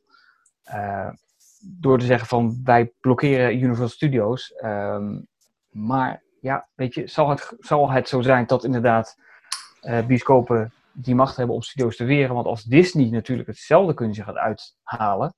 Ja, probeer maar eens geen Disney-films in je bioscoop te vertonen. Dan ben je volgens mij in twee weken Kun je, kun je de bol opdoeken als bioscoop. Ja, dus ik vind het een hele rare... Ik, vind het, ik snap het principe, maar ik vind het een hele rare heuvel om te ster- sterven voor AMC. Ja. Oh, jullie doen Trolls eh, World Tour, niet in de bios. Ja, maar het is natuurlijk een waarschuwing naar de rest. Dat is het. eh, Ja, maar ik vind, ik vind is, eh, bioscopen krijg je, heb je hier alleen maar een probleem mee nu. Ze schieten zichzelf in de voet nu. Ja, Ik precies. snap het statement zo van, kijk, oké, we hebben principes, bla bla bla. Je bent een fucking bioscoop, dus even normaal. Je vraagt 20 euro voor popcorn, go fuck yourself. Maar het is wel van, oké, ja, we gaan, we gaan niks in jullie bioscoop draaien. En dan zegt Universal, oh oké, want we hebben hier veel meer aan verdiend. En hoeven we niet in de bioscoop te laten zien, dat scheelt weer geld. En we brengen het veel makkelijker uit naar ons publiek. Eh, ja. Haha, toch een, wat is dat voor touché move van de bioscoop? Ja, Ja, maar tenminste, ik heb een tijdje ook bij de bioscoop eh, best wel een tijdje gewerkt, zullen we maar zeggen. En de- de- in Nederland heb je dan te maken met distributeurs. Maar eh, ik weet nog bijvoorbeeld dat Lord of the Rings, dat die ook werd aangeboden aan eh, film, eh, filmtheaters en filmhuizen. Eh, en toen werd er, ook, ook wel even boos gereageerd vanuit bioscopen van ja, jongens, maar die worden ondersteund door subsidie. En, en nu zijn jullie, dat is niet de deal, zullen we zeggen. Jullie hebben een aparte sectie wat jullie zetten, wegzetten bij filmhuizen. En een aparte sectie die wegzetten bij bioscopen. En ja, dat mag best, daar is best wel. ik bedoel, de bioscopen mogen er best wel op wat op zeggen. Naast het feit dat je alle, alle, allemaal deals en regels moet accepteren bij bepaalde films als bioscoop. Eh, sommigen willen zelfs, hebben, hadden soms ooit de eis dat ze 1% van de buffetomzet kregen of zoiets. eh, als hun film aan het draaien was. Of, ja, dan moet, Disney ook zo'n move, toch? Met, ja, die heeft allemaal van dat soort rare shit, zeg maar. Dus ik snap wel dat, dat, dat zo'n bioscoopketen denkt van ja, voordat iedereen, elke distributeur of studio nu zijn film ergens op een op platform flikkert. En dat wij, zodra we open gaan, terwijl we dit samen zouden moeten doen, niks meer kunnen vertonen. Dan gooien we er even een waarschuwingje uit. Ik denk niet dat speciaal deze film nou heel boeiend is. En, en inderdaad, misschien Universal net klein genoeg is om het, eh, om, het, eh, om het te doen. Maar ja, ik denk niet dat ze één film van Universal gaan leren, joh. Dat is gewoon een beetje taal. En dan eh, kunnen ze weer onderhandelen of Oh, zoiets. niks. Daarom zei ik ook, ik snap het principe, want je bent natuurlijk wel dubbel geneigd dan als bioscoopketen. Ja. Maar het is voor een bioscoop gewoon best wel... Ik, ik zie ze niet snel binnen. Dat Nee. Ja, kijk, zegt, Universal- Ja, oké, dan niet. Universal zelf zegt ook van ja, weet je, deze film die ligt op de plank en we wilden mensen in deze moeilijke tijden wat leuks bieden. Ik weet niet of Trolls dat is, maar goed, daar gaat het niet om. Ze wilden een gebaar doen van nou weet je wat, dan kun je nu alvast online Het kan altijd kijken. erger. En die zeggen ook gewoon van ja, weet je, als het helemaal voorbij is, ja, wij gaan gewoon alles gewoon via de bioscoop doen zoals we dat gewend zijn. Dus het is een beetje, maar ja, die, die, die, eh, die man van, eh, die beste man van AMC, die is al vaker eh, volgens mij uit de barricade gesprongen. Eh, want die is heel erg bang voor, nou, voor Netflix, Disney Plus. eh, gewoon dat zijn terecht. businessmodel eh verouderd is. En daar, nou ja, daarvan klappen zal ondervinden. En vooral als je natuurlijk zo'n grote keten bent met zo ontzettend veel bioscopen.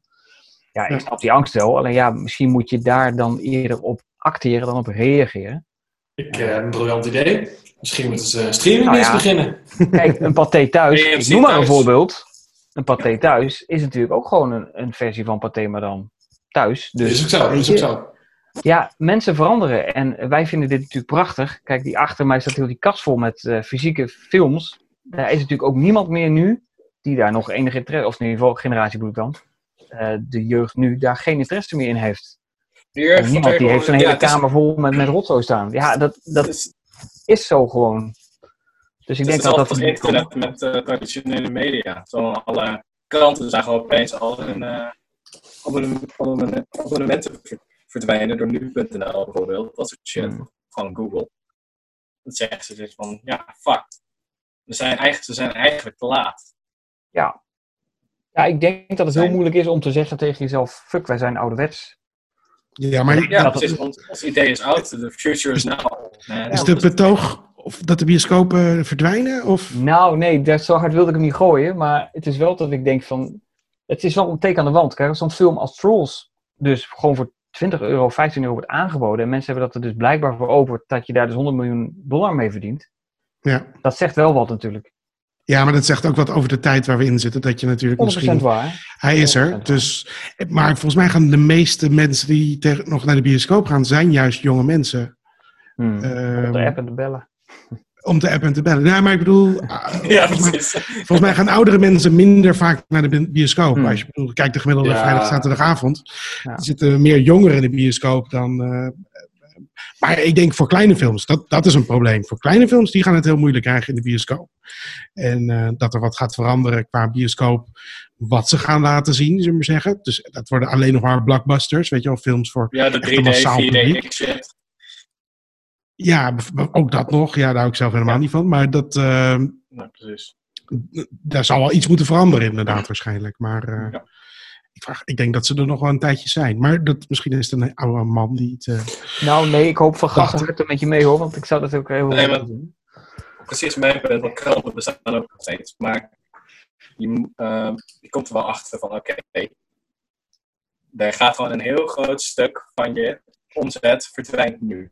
Ja. ja. Iets wat mensen thuis gewoon kunnen doen. Dus je biedt geen speciaal product aan, omdat dat gebied wel met 3D en dat soort shit.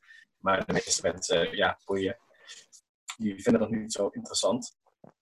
Ja. Ja, nou, ik heb het nu ik natuurlijk ik heb ook niet, ik, ik hoef ook niet iedere film in de bioscoop te zien. Ik vind nou, een film lijkt me aardig. Zoals een Extraction bijvoorbeeld. Dan denk ik, ja, ik ga niet in de bioscoop. Maar misschien zou ik wel even via, Nee. via een dienst kijken of via een Blu-ray of weet ik veel wat. Dat zou ik dan weer wel doen. Ja, precies. Ik wacht wel tot hij op Netflix Ja, zit. Dat soort Precies, dus ja, dat, dat, ja. Weet je, en dat is in het waar. Ze zullen altijd bestaan, maar ja, er zal wel het een en ander denk ik veranderen. En deze tijd realiseren mensen zich waarschijnlijk eerder van verrek. Er zijn ook andere manieren om eh, dingen te doen, online. Hoe je merkt het nu ook met, met dit, met podcast. Alles gaat nu in één keer. Hoe, waarom zou je bij wijze van spreken de moeite moeten nemen om allemaal naar Henk af te reizen, terwijl je dit ook zo kan doen? Bij wijze van. Ja. Dus er zijn natuurlijk allemaal alternatieven. Creatieve alternatieven. Ja. Nou, wat ik me ook wel serieus afvraag is, kijk, wij zijn wel mensen die denk ik naar, naar de bioscoop gaan om de ervaring, want wij willen die film in de bioscoop zien. Maar ik denk persoonlijk dat er ook een hele grote groep mensen is die naar de bioscoop gaat niet om de ervaring, maar gewoon omdat ze die film op dat moment willen zien, dat die dan uitkomt. Hmm. Eh, en dat is natuurlijk normaal zo. Je kan een film eerder in de bioscoop zien dan thuis, of op Netflix of whatever. En dat gaat nu natuurlijk even niet op in het geval van, eh, van Trolls, of hoe die film eh, waar we het over hebben. Trolls World Ik denk dat- man. En ik denk dat dat misschien ook wel. Ik denk als je mensen echt de keuze geeft van oké, hij komt morgen komt hij uit, zowel op Disney Plus als in de bioscopen. Wat voor percentage dan toch naar de bioscoop afreist en welke er dan voor kiezen om gewoon thuis lekker te kijken. Ja. Ja. Ja, nou ja, die discussie natuurlijk ook voor vorig jaar of twee jaar geleden ook natuurlijk. Hè, dat de studio's dat ook wilden om ze drie weken na bios release gewoon wel uit te brengen. Gaan mensen dan drie Ja. weken wachten en dan kijken ze hem thuis. Of kunnen ze het niet wachten, gaan ze nog naar de bioscoop. Daar schoot de bioscoop natuurlijk toen ook heel erg van in de stress. Ja. Dus ja, er gebeurt van alles. Ja, ik denk dat het echt een zo'n eh, filmserie ding is, ding is. Dat je eigenlijk alleen nog maar de bioscoop hebt met de grootste fans van bijvoorbeeld eh, Star Wars of de nieuwe Jurassic World film of de nieuwe Marvel film. Dat echt alleen de diehard lui het meteen day one willen zien.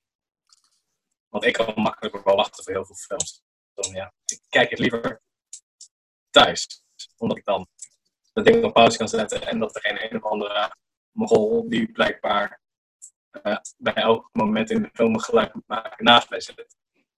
Dat heb ik meestal. De enige Ja, maar- aan virus Ja, dat is er meer mensen in ja. de zaal zitten. Ja, maar daarom moet je ook day one zitten. Dan zit je met de echte fans, hè? Ja, maar dan kan je ook weer, dan kan ook weer zo cringe lord shit worden. Gaan je juichen als eh Ah, Captain leuk, joh. America Allemaal- de allemaal hamer vastpakt. Oh my god, hij heeft, hij heeft Mjolnir vast! Zo, ja, maar is... Oké. Weet je wel? Ja. Oké, als je zo fan bent en je zit met alleen maar van die fans in de bios. Net zoals als je dan Day One eh, Star Wars. eh en dan Star Wars. eh, de eerste van de nieuwe trilogie. Ja. Force, Force Awakens.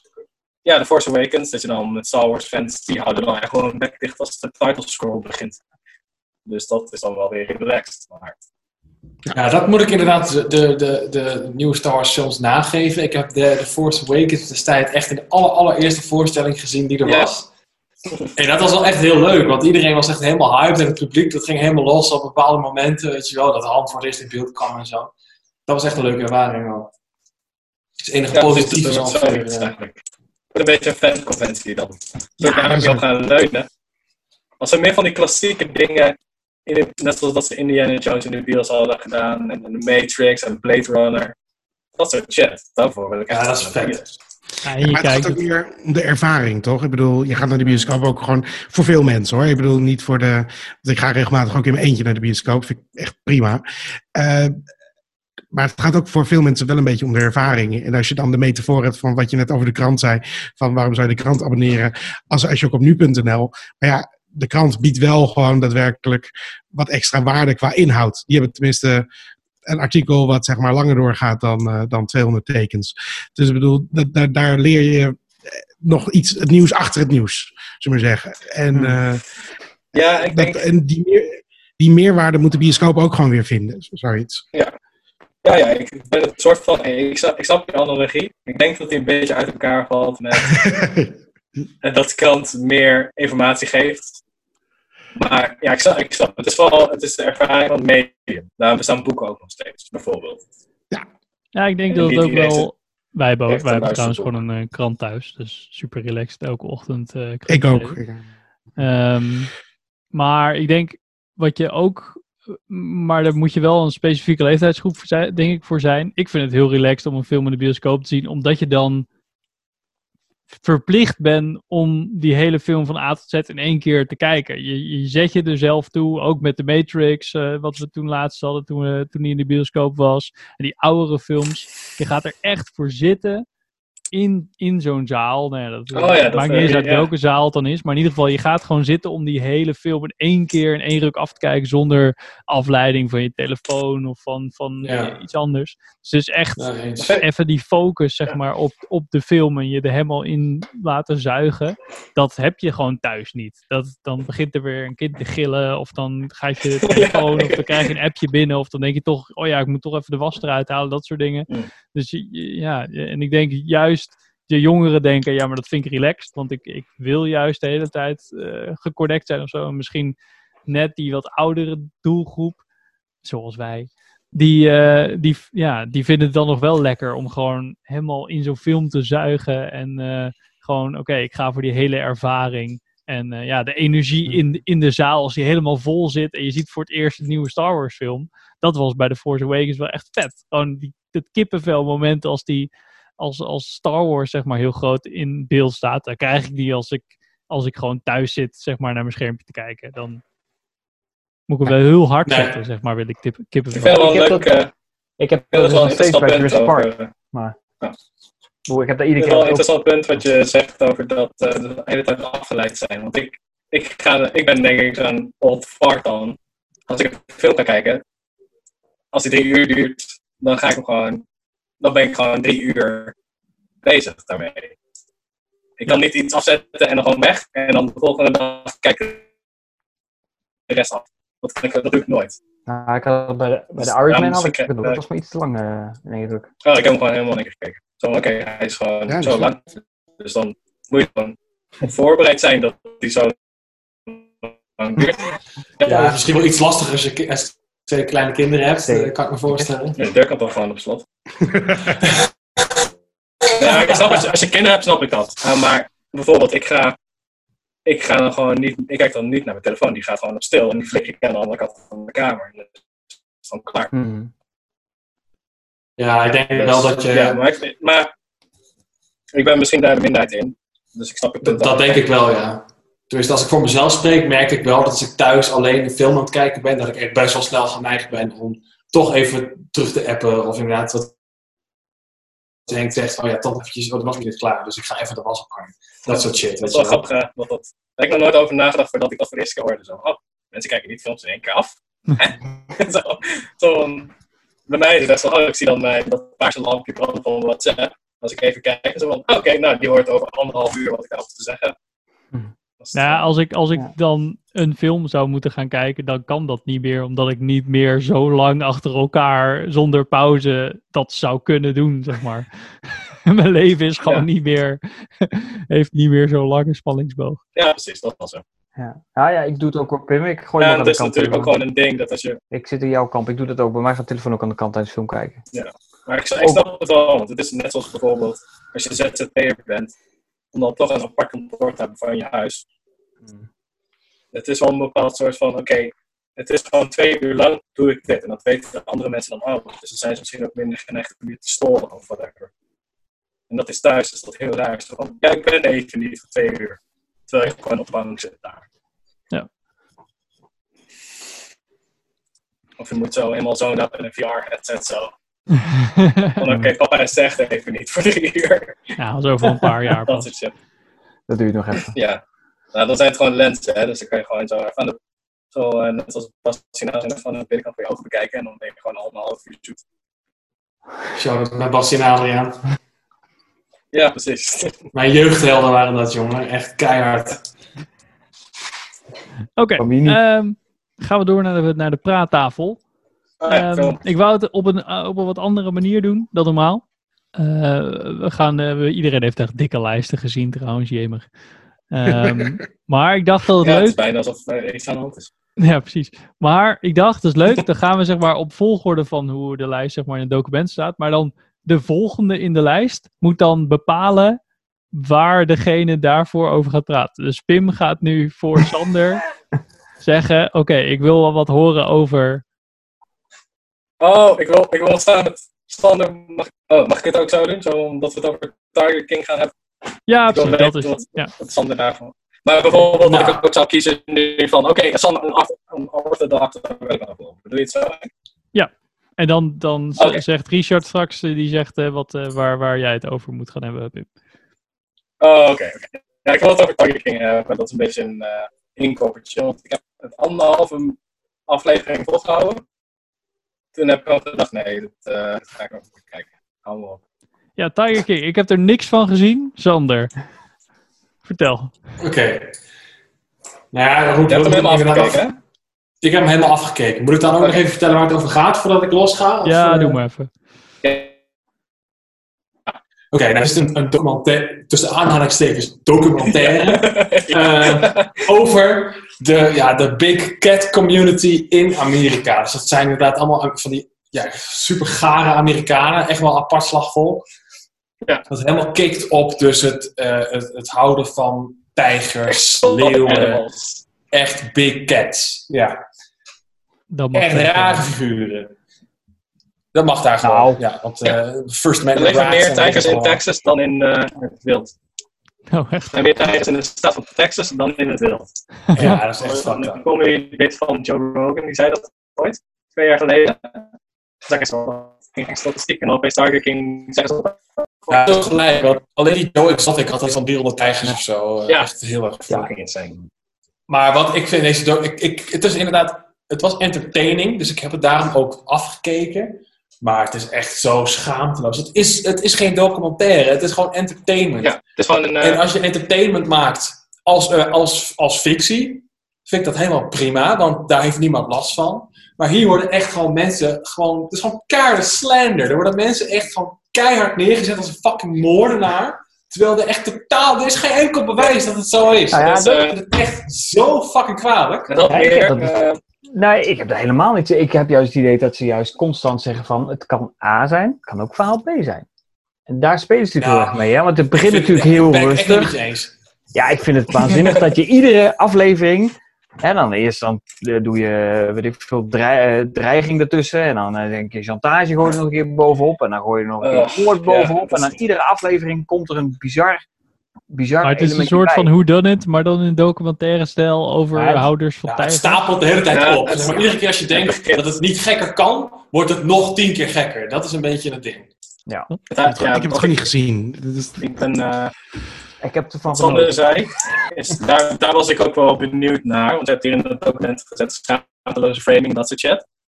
Ja. En ik zat echt zo van, ja, dat klopt ook gewoon, want het begint.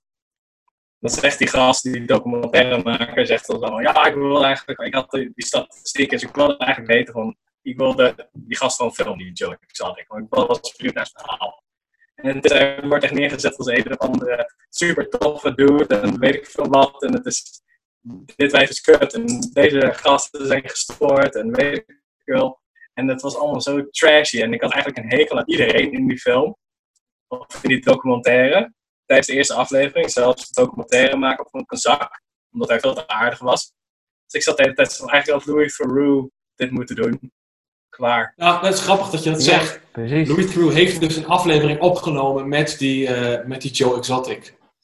Ja. Eh, dus dat kun je ook gewoon kijken. Dan heb je wel een, een goed beeld ervan. Of in ieder geval Ja, een precies. dit was echt zo raar. Want het is echt gewoon meer een aflevering van The Real Housewives. Dan The Real Tiger.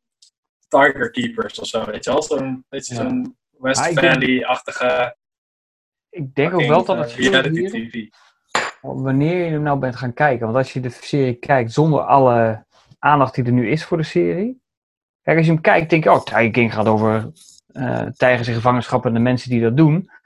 En dan wordt het steeds gekker en gekker. Maar je weet nu al, met alle aandacht die ervoor geweest is, dat het compleet gestoord wordt, het hele verhaal. Ik, ik, ik heb echt in het begin gezien, toen hè, dan hoorde ik een keer Tiger King, ik denk, nou, klinkt interessant, ga eens kijken. Niet wetende dus wat er dus eigenlijk eh, allemaal ging gebeuren. Ik denk dat dat, dat, dat ook scheelt. Het punt wanneer je instapt. Dus ik Ja. heb nu zoveel aandacht voor. Ik had er bar weinig van gezien. Ik wist wel van, oké, dit is een documentaire die je moet zien, want het is super raar. Maar je kan nog gewoon aan, aan hoe, de, hoe het eruit ziet, het design, hoe de soort van de foto die je ziet op Netflix en hoe de trailer is opgebouwd, zie je al wel gewoon van, oké, dit is een complot en eh weet ik veel wat eh Hmm. Dus de, de tijger shit, exotic animal shit, het is gewoon soort van, ja, oké, dat is de achtergrond waarop alles zich afspeelt. Ja, waar ik gewoon heel erg boos van word, is, is gewoon... Weet je, er wordt nog net niet in die documentaire gezegd van... Carol Baskin heeft haar man vermoord. Want ja, ik kan lullen wat je wil, maar dat wordt echt wel geïmpliceerd. Met de manier waarop het gefilmd is in elkaar gezet. En dat is gewoon... Zo simpel is het niet, weet je wel? Ik heb het niet Die gezien, man, die wat man- het heeft gedaan. Ja, nou kijk, dat natuurlijk. Weet je, die man die had echt... eh, dat was gewoon een hele rare man met eh, zeer waarschijnlijk connecties met, met kartelmensen of zo. In ieder geval, die gast bracht dus één keer per maand bracht hij auto's naar Puerto Rico. Nou, dat is niet helemaal normaal, zeg maar. Eh, die had het ook, dat zie je dan wel in de documentaire. Dat hij op een gegeven moment zegt tegen een van zijn collega's: Ja, ja, ik ga nu zo- zo'n big score heb ik. Als ik dat doe, dan ben ik voor de rest van mijn leven set for life. En toen ging hij die auto's wegbrengen en toen kwam hij niet meer terug. Nou, wat is dan waarschijnlijker? Dat Carol Baskin hem heeft omgebracht en heeft een in die gevoerd? Of dat het kartel hem heeft omgebracht? Ja, ik weet het niet, maar dat is op zich wel belangrijke informatie om even te vermelden, weet je. Carol Baskin. Die heeft alles gedaan. Ja, het is, het is allemaal haar schuld. Maar ik vind Dat dat soort gewoon dingen een echt, drone die echt schoot, man. Het, het is gewoon echt, het is selectief informatie eruit pikken om maar gewoon je negatief... Ja, maar zij kan toch dat kartel eh, opdracht hebben gegeven om hem om te leggen. Ja, oké, Richard. Ja, kom Hey. nog even zeggen. Ga Het kijken. kan. Het kan. Ga kijken. Is dat diezelfde theorie die ook, eh, die ook toepast op James Bond films? Eh, nou, misschien Oh, wel. een ik droom zijn geweest van ons allemaal. die gast leeft gewoon. Nou, we zullen het binnenkort weten, want er komt een documentaire over. Dus eh de, Nog de boel gaat verder over de moord op de man van Carol Baskin. Oh, jeez. Oh, serieus? Ik eerst, man. Komt er. Ja, maar in ieder geval, ik heb anderhalf eh aflevering gezien. Ik dacht echt van, nee, fuck dit man. Fuck dit. Snel naar de volgende. Man, Ja. Eh, Richard, wat, waar moet Pim het over hebben? Nou, Pim mag het even hebben over eh, Afterlife. Want ik heb, daar, ik heb er nog niet aan begonnen. Ik vond het eerste seizoen eh, met Ricky Gervais eh, onwijs, eh, onwijs eh, cool eigenlijk. dat ik echt heel benieuwd ben hoe seizoen 2 is. People think all those things I miss doing with Lisa, I could just do them anyway. They're missing the point. I miss doing nothing with Lisa. Ik heb net eh, de eerste twee afleveringen gezien vandaag. Want die afleveringen zijn iets van 20 minuten, 30 minuten of zo. Mhm. En het is, eh het moet een beetje op gang komen. De eerste, de eerste 10 minuten van de eerste aflevering dacht ik van, is het even goed? Ik weet het niet. Maar nu is het wel weer echt gewoon ouderwets goede, een goede kwaliteit zoals het seizoen 1. Het moet een beetje... Eigenlijk, je hebt natuurlijk het hele idee van het eerste seizoen dat hij depressief is. Daar is hij nu een soort van overheen. Dus je moet een soort van andere problemen introduceren in de serie. Want het gaat Mhm. naartoe. Dat doen ze hier wel interessant. Oké. Verder wil ik daar niks over zeggen, maar je moet gewoon kijken. Maar wel aan te hij, is gewoon, hij is gewoon weer goed. Ik, dan, ik ga hem wel afkijken, dat wil ik zo zeggen. Oké. Cool. Nou, hey, dat was kort hè? Ja, precies. Nou, Dus. Oké. Nou, lekker kort. Eh, dan mag ik eh, voor Richard beslissen. Eh, ik heb ook Focus gekeken, Richard. Dus daar, daar mag je het over hebben. Dan kan ik het met jou daarover hebben. Maar waarom zou iemand het daarover willen hebben? Oh, Ja. Dat je nou van alle titels naar die juist uitkiest. Het is wel met de Margot Robbie en het is niet Suicide Squad. Nee, wel met Will Smith inderdaad. Ja, ja het is, ja, ik... ehm, Deze was niet zo goed. Nou, nou, hij, is wel, hij is vermakelijk. Alleen het ging bij mij tot het punt waarop dan uitgelegd wordt waarop ze... Want ze plegen natuurlijk ergens een groot... het Zeg gaat maar over spoilers. oplichters. Even, nou ja, goed, ja, dat hoeft niet te spoilen. Maar het gaat in ieder geval over oplichters. Ja, en het punt is gewoon dat... Ze zeggen, de big score komt er natuurlijk aan. En dat zit natuurlijk allemaal met verhaalverweven dingen allemaal in elkaar. Maar de manier waarop ze dan iemand... ehm ze zeggen, op een Inception manier willen laten denken aan een getal... Toen waren ze me wel een beetje kwijt, eigenlijk. Dat ik dacht van, jezus mine, dat, dat in... Hè, het getal 5, dat moet dan terugkomen in, in lampenkappen. Dan denk ik, alsof er dus een oplichter in een hotel... allemaal lampen gaat vervangen om daar het getal 5 op te krijgen. Daar waren ze me een beetje kwijt. Oh, ik vond het echt vet. Ik vond het echt een, echt een leuk scène. Het, was mij, ja, het was wel grappig. Maar tot wel dat ik dacht van, het hangt allemaal, allemaal van toevalligheden aan elkaar. Het is gewoon eigenlijk... Nee, nou juist niet. Nee, juist niet, Richard. Het hangt Juist dus niet wel. van toevalligheden uit elkaar. juist nee. dat hele punt van de film was dat het niet aan toevalligheden aan elkaar ging. Juist Eerst is wel. het weer zo'n top en flop ding. Ja, denk ik. Nee, ik, Ja, vond, maar eh, het- nee, ik, ja, ik, ik, ik vond hem vermakelijk. Laat ik het zo zeggen. Ik heb er ook veel mee vermaakt. Alleen het was wel dat ik dacht van, ja, Ja, nee, ik vond het Ja, zeker niet de beste film hoor. Ik vond hem wel. Ik vond hem ook zeker wel vermakelijk. Hij is trouwens van de makers van eh, Crazy Stupid Love. ehm, die, die ik eh, persoonlijk eh, op zich wel een hele leuke film vond. Eh, een beetje een rare film. eh, maar eh, wel tof. Eh, ik, vond, ik vond hierin eh, Will Smith wel, wel, wel, wel grappig spelen. Was Eh, die heel erg Will Smith? Ja, ja, een beetje zoals je hem kent van Hitch en dat soort films. Gewoon meer een beetje de vermakelijke kant van, van Will Smith. Maar- Net niet ja, Bad Boys Will Smith. nee, een beetje de niet super uitbundige, maar wel gewoon, gewoon prima. Ehm, ja, gewoon een prima filmpje. Gewoon, ik zag hem elke keer op Netflix langskomen en toen was ik natuurlijk eigenlijk net zoals dat getal. Richard zie hem zo vaak langskomen. dat je Ja. uiteindelijk zeg maar er wel aan gaat denken van, oh ja, Focus stond er ook wel op. Die kunnen we ook wel eens gaan kijken. Ehm, Ja. Nou, je bent niet zo tegen de draad. Dat je gewoon... Wel, als ik dat zie, ja, deze film moet je kijken. Dan is het altijd van, nee. Ja, maar ik denk, dat ik niet het, ik denk dat de afbeelding die Netflix gekozen heeft om het eerst in beeld te schieten zodra ze het over focus hebben, snap ik heel goed waarom je focus aanklikt. ja, bij mannen waarschijnlijk hè. Bij mannen precies. Ja. Dus dat, Wat is het dan? Ja, super laag decolleté van eh, Margot Robbie. Want bij Margot Robbie... Kijk gewoon de Wolf of Wall Street. Ik ga- ik ga het nu live opzoeken op Netflix. En een betere film.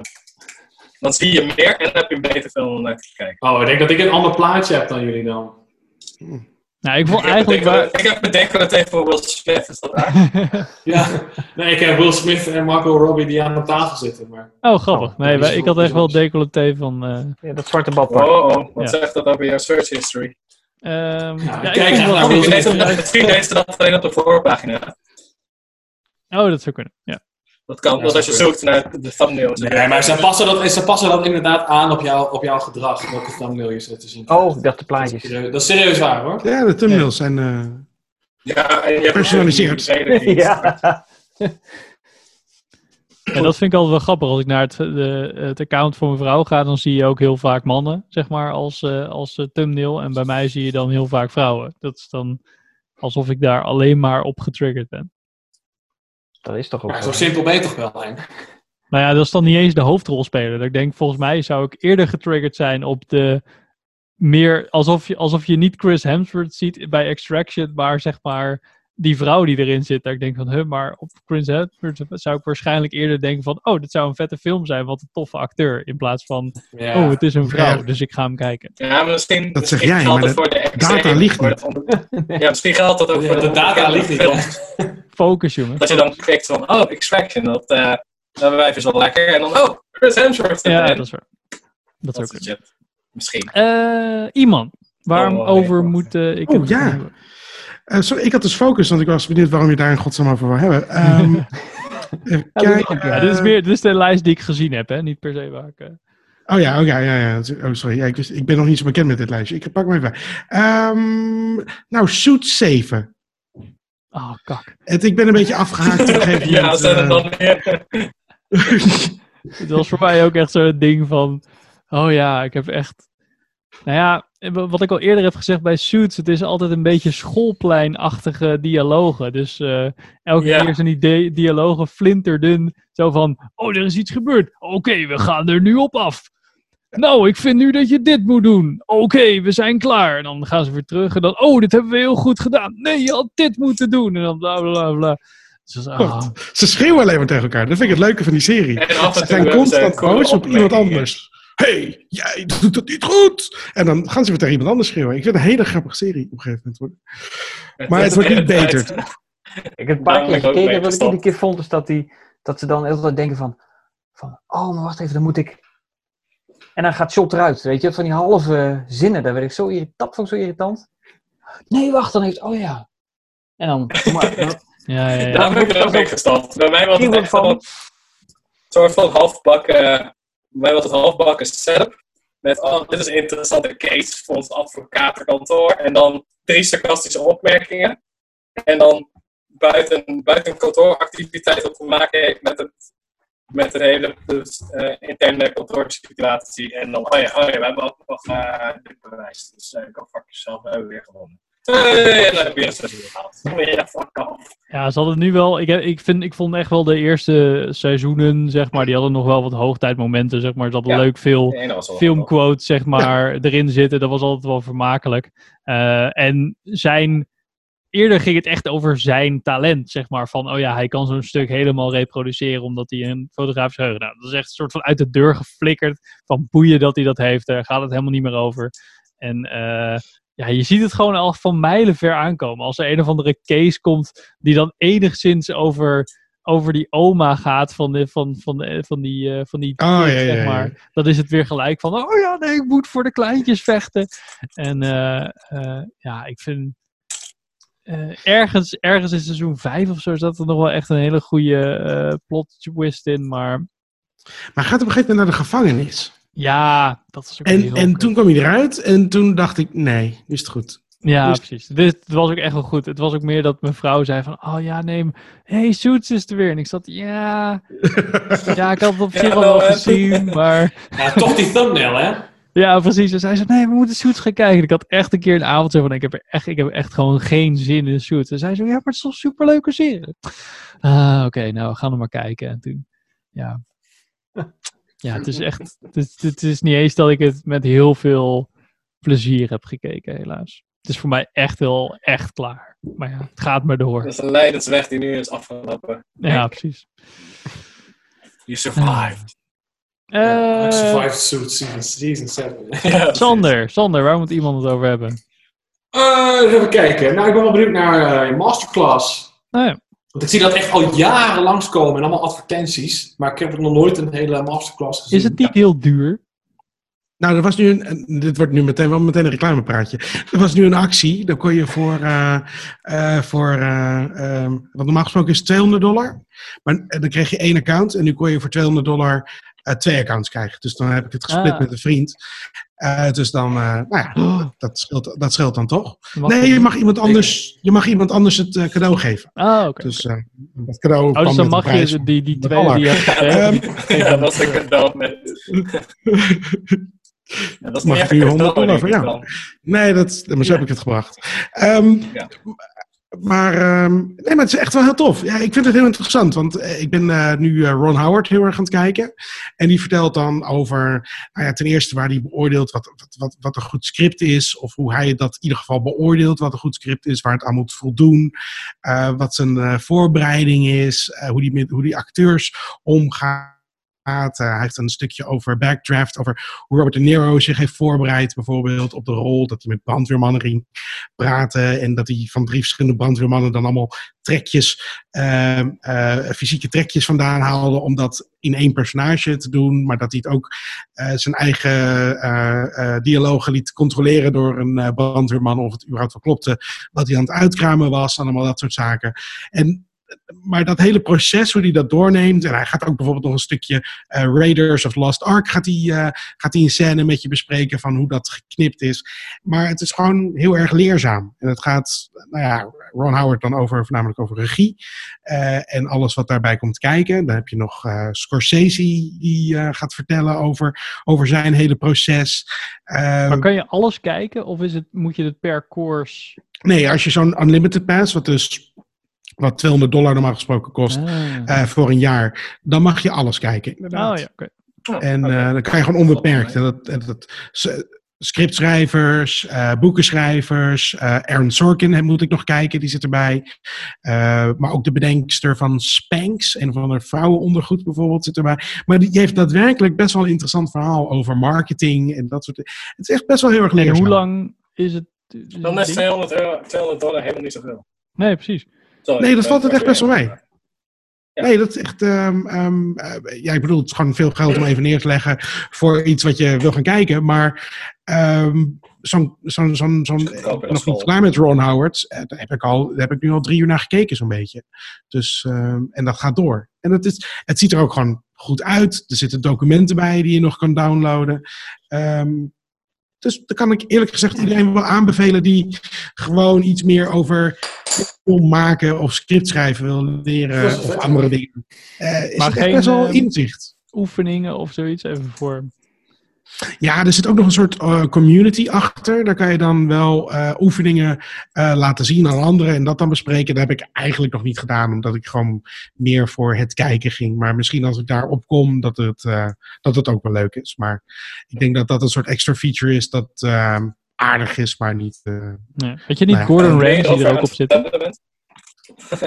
Ja, ik wou net zeggen, die met Gordon Ramsay, die is ook Die gaat gewoon zien. drie uur naar je staan schreeuwen. Ja, nou, maar ja, maar, eh, ja, weet je, die gast kan natuurlijk wel koken. Die heeft wel wat Ja. te vertellen waarschijnlijk. Dus, en er zitten, eh, eh, er zitten ook twee van die reclamemakers bij die ehm, de God Milk reclame hebben bedacht. Silverstein Oh, en ehm, nog één, ik ben even zijn naam kwijt. Maar die vertellen dus ook over hun proces, over hoe zij reclames bedenken. En eh, die God Milk reclame, blijkbaar wist ik niet, geregisseerd was door eh, Michael Bay. Ehm, eh, en, ja, en hoe dat dan in elkaar zit en hoe ze dat allemaal hebben bedacht. Dat is best wel slim en best wel gewoon om mee te kunnen in dat proces. Dat is best wel leerzaam. Hij is Meer dan 80 Ja, klassen. hoe vaker je het erover hebt, hoe goedkoper het gaat klinken. Als in, hoe beter de prijs gaat klinken. Eerst dacht ik 200 euro voor Jezus Christus. Oh nee, wacht. Dat valt best wel mee. Is best Ja, en ik werd, net, ik werd ook enorm getriggerd steeds door Scorsese en Ron Howard op eh, Instagram filmpjes die ik voorbij zag komen. En dan dacht ik, ja, dit, dit is wel leuk, maar misschien is dat alles. En dan betaal je zoveel geld daarvoor. Maar de rest is ook echt best wel de moeite waard. Dus, eh, Ik wil best wel 200 dollar betalen voor als Scorsese gewoon de hele tijd gaat ranten over Marvel. ja, dat, zijn kelder. Het is het cinema. En dan valt hij in Nou, dat is wel tof. Ik zie het ook inderdaad al jaren langskomen. Ja. Ja, Dus ik Ja, heb ook heel veel in mijn hoofd van, hè, maar ik heb die een keer gezien en die en die en die. En als je dat allemaal zou kunnen kijken, want ik kijk, ik heb best wel vaak dat ik denk van, oh, ik wil even wat kijken, maar soms is het ook gewoon pulp. En dit voelt meer van, ik wil even wat kijken en ik leer ook wat. Dus dat is dan, dat is dan bijna een soort Ja. van TED-talk die je dan gaat kijken van, oh ja, ik heb, ik heb weer wat meer opgestoken dan... ja, en ik moet mezelf, veel, altijd, jongen. Moet mezelf altijd enorm motiveren om, ehm, om te schrijven. Dus als ik dan, ehm, als ik dan heel even zo'n eh, masterclassje aanzet, dan, dan, dan zit je weer helemaal erin van, oh ja, oh ja, filmmaken is leuk. Oké, nu ga ik weer wat schrijven. En dan eh, een soort eh, eh, oppepper om weer aan de slag te gaan. Dus, Ja, een soort ja. van Een motivation. soort powernap. Motivation. Ja.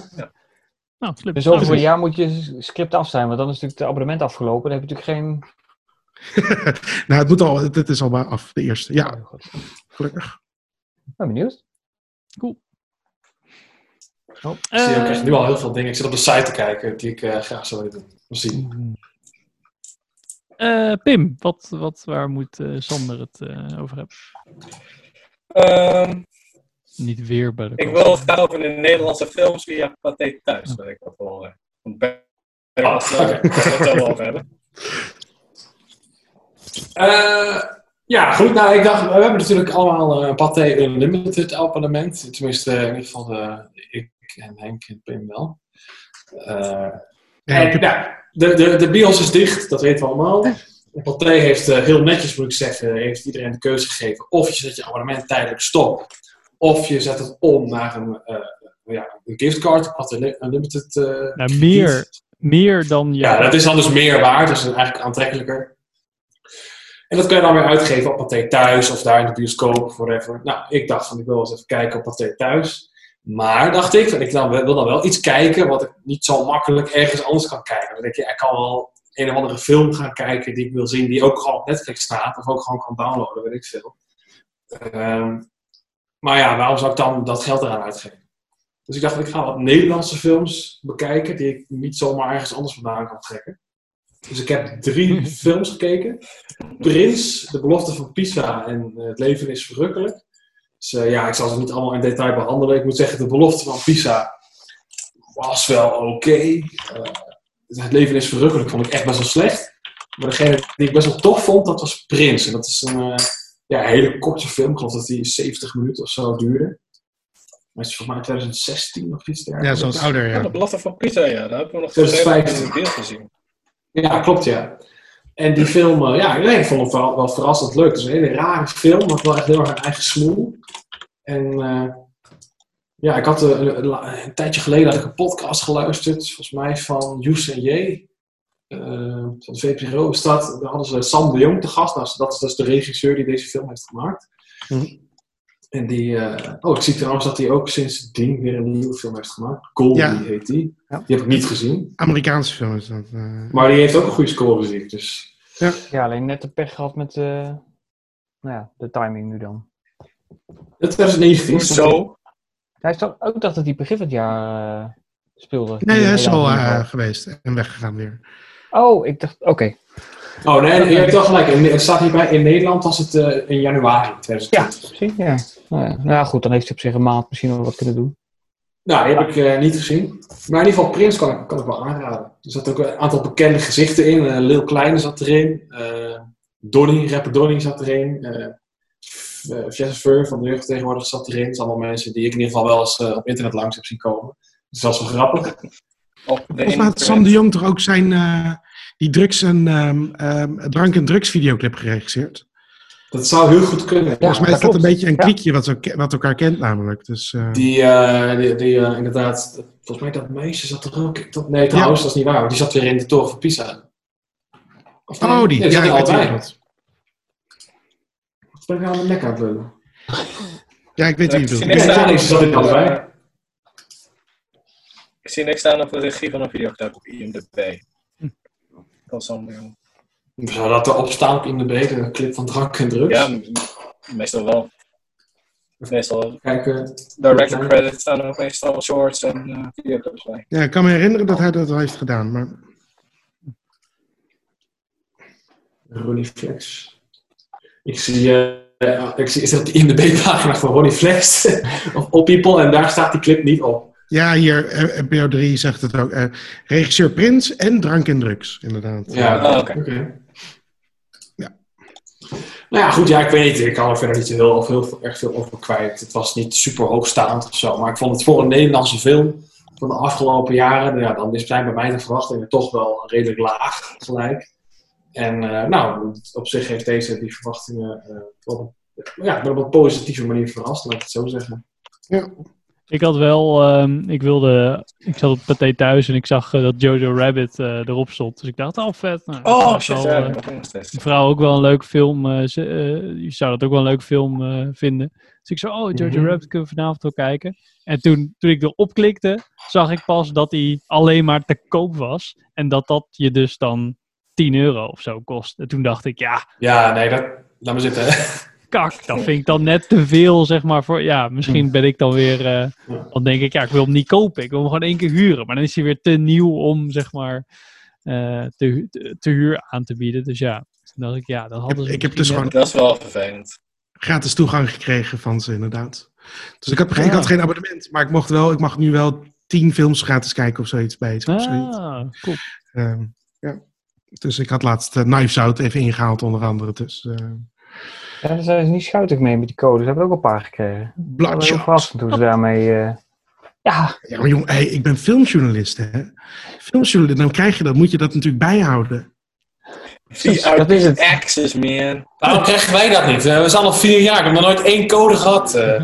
Ja, wij bestaan vijf jaar, dat is verschil. Fuck jullie, Pathé. Vijf jaar. Ja, ja. Henk die had die allemaal. Die krijgt hij allemaal binnen. Kerstval. Oh ja, ja, ja, inderdaad. Henk had het gewoon over zichzelf, dat is het gewoon. Hij heeft, al, hij, heeft al, hij, heeft al, hij betaalt al drie jaar niet meer voor dat limited abonnement. Ja, moeten die andere gasten niet ook zo'n vergoeding voor ding onze abonnementen, dat denk ik ook. Wil hij elke, dag, elke keer als we naar de bios gingen, wil hij die koffie, want dat is allemaal gratis. Je krijgt helemaal het, uh, Ja, ja. dus dit is gewoon een tikkie naar meneer Pathé. Bam, klaar. Oké, is Richard, waar moet ik Pim het over hebben? Ik zat een snuifvetje uitzoeken bij Pim. Nou, ik denk dat Pim het wel wil hebben over... eh, Angel? Nee, nee, nee. Westworld, denk ik. Who are you, Dolores? You and I are a lot alike.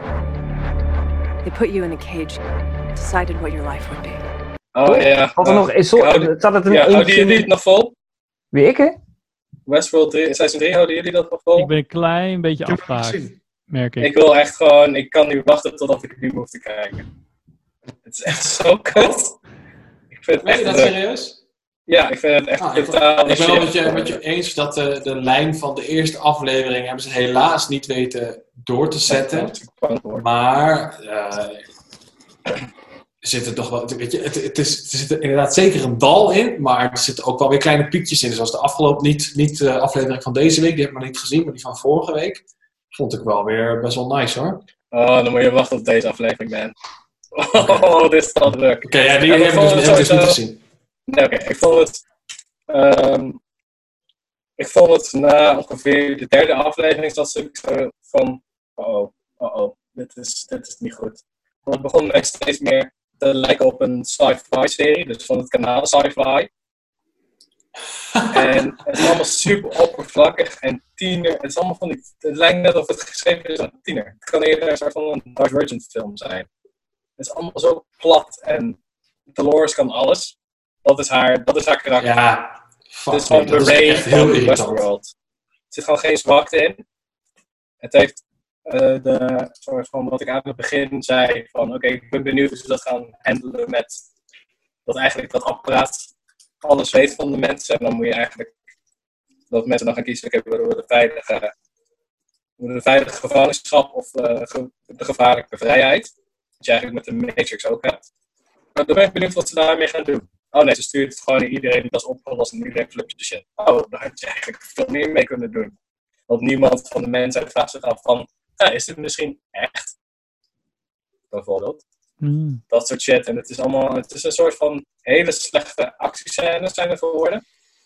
Bij seizoen 1 is de actie meestal, daar zat een aspect aan waarbij het echt consequenties had. Wat Game of Thrones ook deed.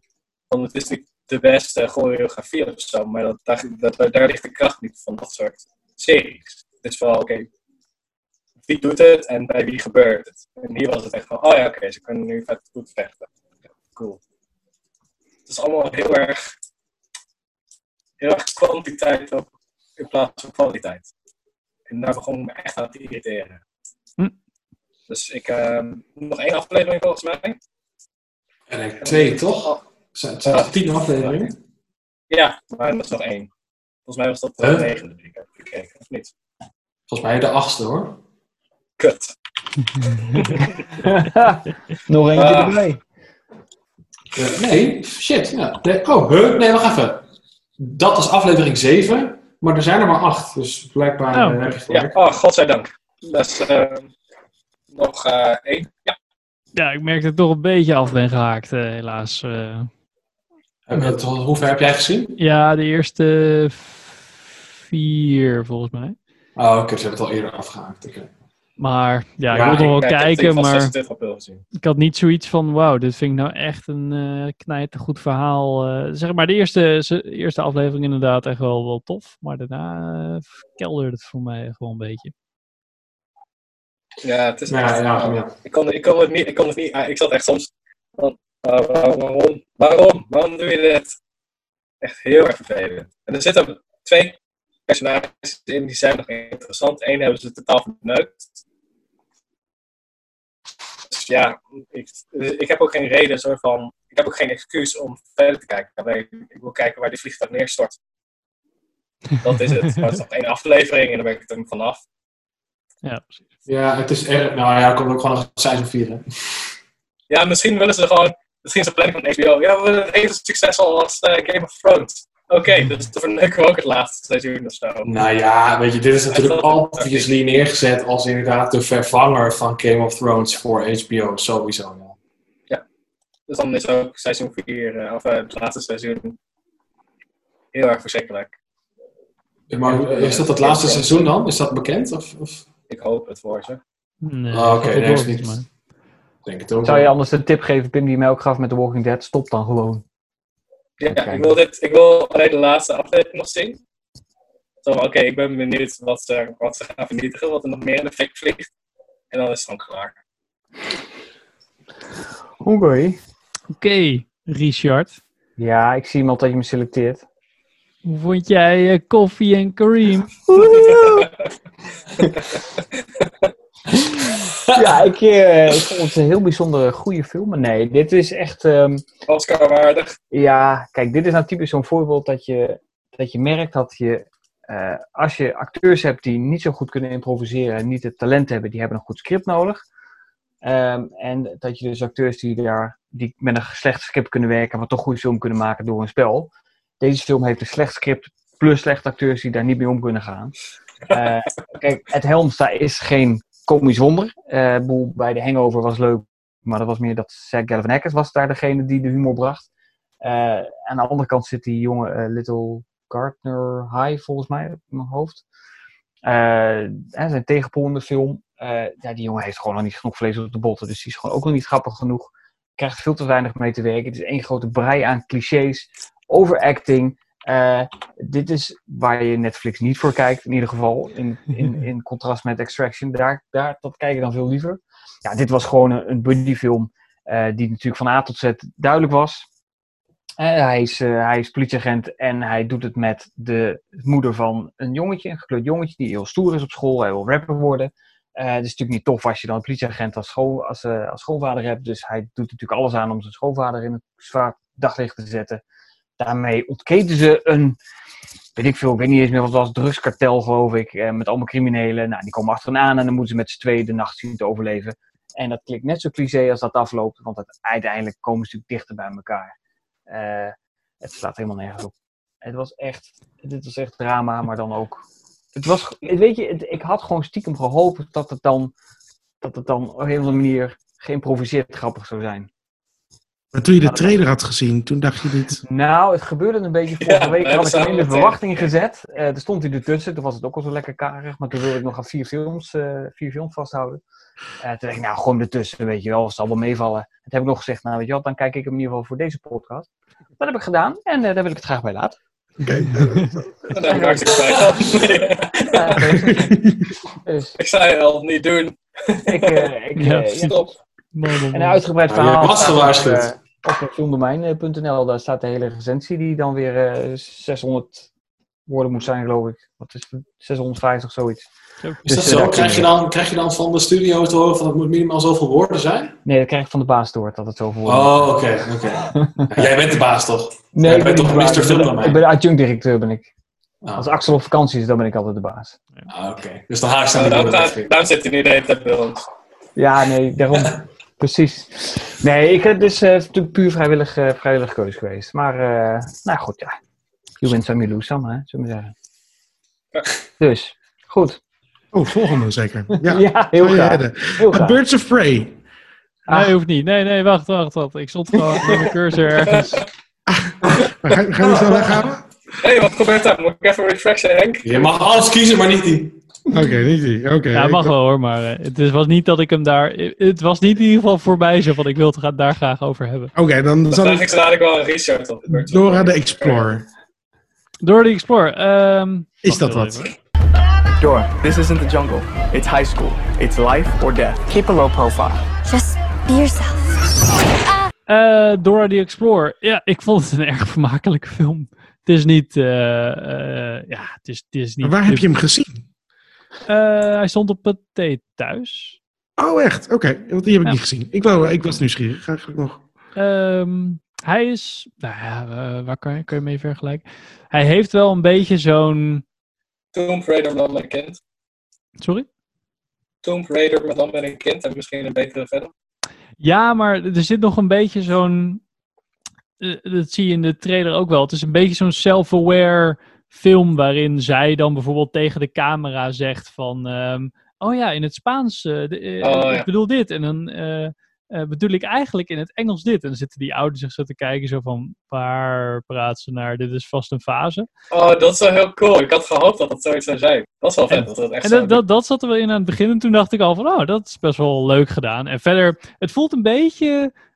ik moet even denken waar ik, waar ik... Een beetje dat Jumanji 1, zeg maar. De, Oh ja. de, die nieuwe met Dwayne Johnson. Daar, daar voelde die wel een beetje. Zo, zo van niet te serieus. En een beetje van die grappige karakters tussendoor. Het is Wat ook wel een beetje een kinderfilm natuurlijk. Ja, maar dat soort films kan ik wel altijd waarderen. Dat deed me namelijk... De trailer deed me toen een beetje denken aan die andere Dwayne Johnson film. ehm, eh, Heart of the Island, Journey to the Center, weet Oh ik ja, veel ja, wat. ja. Oh die niet Journey gezien, 2 of zoiets. Een- The Center of echt the een Earth. hysterisch grappig film. Ja, Journey 2, geloof ik. In ieder geval. En eh, zoiets was het. Maar er zat nog een langere titel bij.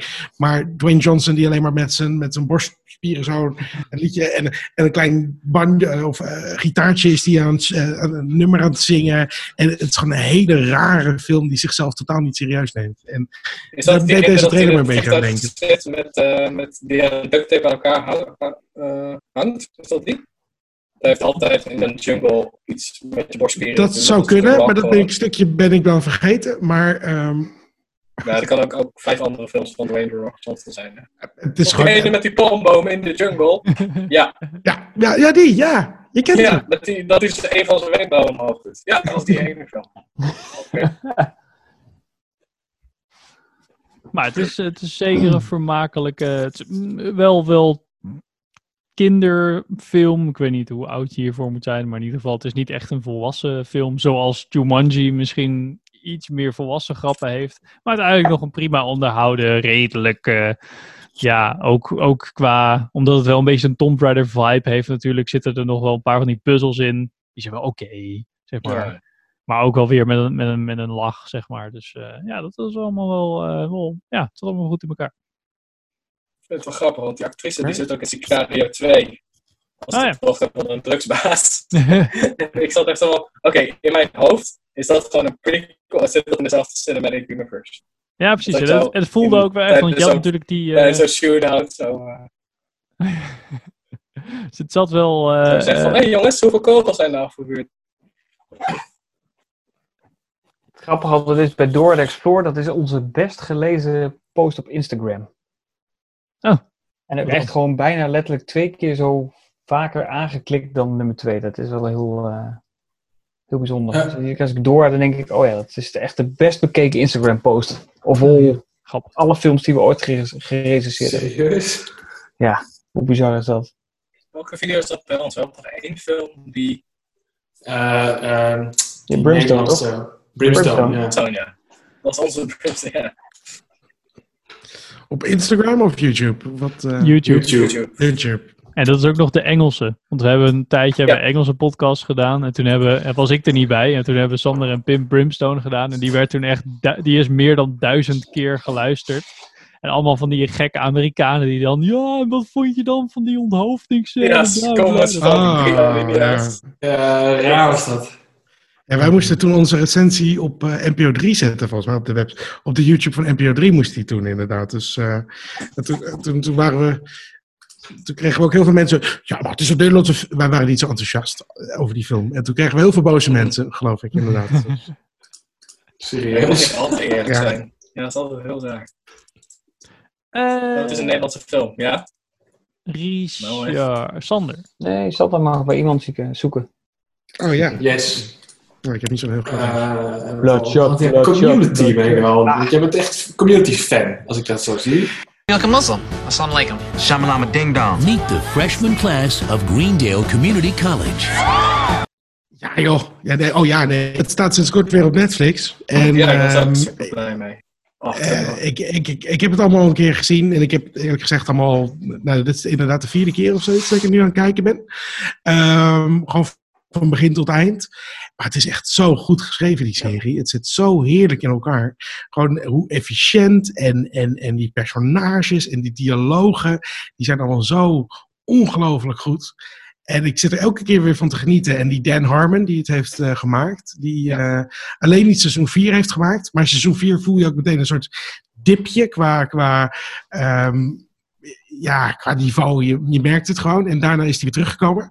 Maar die gast is echt geniaal. En die is natuurlijk ook nog verantwoordelijk voor, eh, of tenminste mede verantwoordelijk voor eh, Rick and Morty. Wat natuurlijk ook fantastisch is. En, en hij gaat geloof ik nu weer een nieuwe serie maken eh, met Danny DeVito, las ik laatst.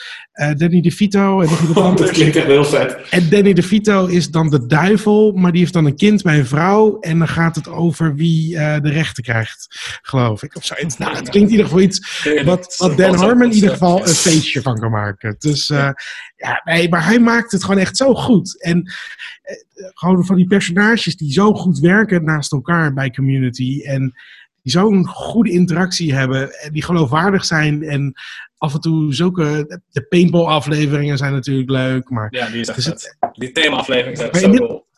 Ja, en die werken nog steeds. En dat vind ik best wel knap, want die serie is inmiddels, volgens mij 2005 of zoiets, begon het ooit, geloof ik. Het is echt lang geleden alweer. Ehm, en behalve dat sommige mensen wat oude mobieltjes hebben af en toe, is het vrij tijdloos gebleven. Er zijn niet heel veel rare dingen gebeurd. Ik heb niet het gevoel dat ik denk van, oh, een serie, naar een serie van heel lang geleden aan het kijken. Het, het is nog best wel het nog best wel in deze tijd kunnen afspelen. En dat vind ik best wel tof. Is het jouw friend? Dat was mijn betoog over community. Toen de community voor de eerste keer zag. Was volgens mij die paintball aflevering. En daarna had Ja, ik ja, ja, die. Law and Order aflevering gekeken. Ik dacht van, oké, ik moet dit van begin af gaan kijken. Want dit is zo Ja, maar die eerste aflevering ook. Iedereen wordt meteen heel erg goed neergezet. En, en er zit meteen een grapje in. En ik zit heel erg te focussen naar hoe steeds series nu in de pilot de eerste opening schrijven. Eh, de eerste vijf à tien minuutjes of zoiets. En die, deze serie doet dat zo goed. Die eh, echt, ja. Ja, ik zag Ja, hem eh, voorbij mij- komen. Ik ben heel benieuwd. Ik denk dat ik hem ook wel ga kijken. Want ik, ik zag hem net op Netflix en we zoeken toch een nieuwe serie om te gaan kijken. Oh, als je het nog nooit hebt gezien? Oh, ga dit Ik heb hem nooit gezien. Nee. Oh my god. Ik ook niet. Oh, Dus ik ga het ja. echt wel zien. Echt vet. Ja, Dat is goed. ja, Is het eh, 20 Welke minuutjes per tijd- aflevering? ja. ja. Sorry, Ah, er is ook een Dungeons. Dragons aflevering die ook verrassend tof is. Oh, daar, staat of valt shit. soms een, daar staat of valt soms zo'n serie of dat schrijfwerkers. Dus eh, een soort van, we proberen het in te haken op dit. En dan als mensen überhaupt iets weten van het concept, werkt het niet meer. En dat kan je natuurlijk heel goed doen, zoals South Park dat doet. Met eh, World of Warcraft. Zo, dat Oh, is ja. eigenlijk ook de kwaliteit die je kan verwachten bij community als een thema-aflevering doet. Gewoon in heel veel inside jokes zonder dat je het algemene publiek verliest. Dat is echt best wel verrassend. Hoe Ja, en hoe heet het nou? Die eh, Russo Brothers, toch? Eh, hoe heet ze nou? Ehm, Joe en Anthony, zoiets? Waar we het net over hadden. Ja, de Russo Brothers. Die eh, voor eh, Extraction ook bezig waren. Die hebben ook een paar van die eh, afleveringen eh, gedaan voor Community. Eh, ook waaronder volgens mij de paintball aflevering. Dus ehm, daar, daar liet ze al zien dat ze actie konden, iets met actie konden, zo zeggen. Ja, het is ook gewoon een op elke, elke soort van oorlogsfilm en actiefilm. En dat is echt ook echt heel goed. Je snapt ook meteen waar de knipoog zit. Dat heb je met die bal en de aflevering ook. Het is allemaal super perfect, maar niet serieus. Nee, maar ze snappen wel heel goed wat ze, eh, wat ze persifleren, zullen we maar zeggen. Net zoals... ja, in eh, and Morty zie je dat ook terugkomen. Gewoon met Ja. de aflevering van dat ze al die heistfilms eh, gaan eh, doen. Precies. Dan heb je ook meteen, oké, dit is elk... Je snapt het onderliggende thema van, van dat genre. En dan kan je het dan gewoon keihard op inhakken. ja, ja, maar aanradertjes. Oké, we zijn nu eh, iets van 2,5 uur bezig volgens mij. Ik zag het, ja. Ik ben later dan. Zo. Dus eh, ik denk dat we hierbij moeten laten. We hebben nog wel een hele lijst natuurlijk met alles wat we gezien hebben. Maar Ja, maar even Birds of Prey, Henk. Volgende maand, volgende maand. Ja, even afstrepen wat we allemaal hebben gehad. Dan eh, kunnen we het de volgende keer over hebben. Ja, precies. Ehm, nou, ik wil in ieder geval eh, iemand bedanken voor het eh, meedoen aan deze aflevering. Superleuk dat je er was. Ik vond het heel leuk om een keer mee te doen. Ja. In deze, in deze setting, hè. Mooi. Ja, juist. Wellicht kan je dit, wellicht kan je dit ook nog in het echt zien. Ja. Oh ja, ja, ja. ja, laat maar weten. Ik, eh, ik zit toch thuis 's avonds tegenwoordig, net zoals iedereen. Dus ik heb tijd. ja, precies. Dus 20 mei ben je weer kandidaat. Oh ja hoor, prima. Oeh, ja. Kijk, eerst in de pocket. Kijk. Daar, gaan- daar gaan we het inderdaad nog even van regelen hoe we dat allemaal gaan doen. Yes. Eh, Richard, bedankt voor het Altijd meedoen. graag gedaan. En eh Sander en Pim natuurlijk. Vaste gang. Yes! En eh, dan wil ik iedereen bedanken die het eh, tot dusver heeft volgehouden. Ook eh, props voor jou. en eh, nou ja, eh, dankjewel voor het kijken en luisteren. Ik doe het gewoon zo jongens. Eh, jullie kennen het allemaal. Maar eh, dankjewel voor het kijken en luisteren. En eh, tot de volgende aflevering. Yo. Yo. Yo. 20 mei, 8 uur, live, kijken, filmquiz. Precies.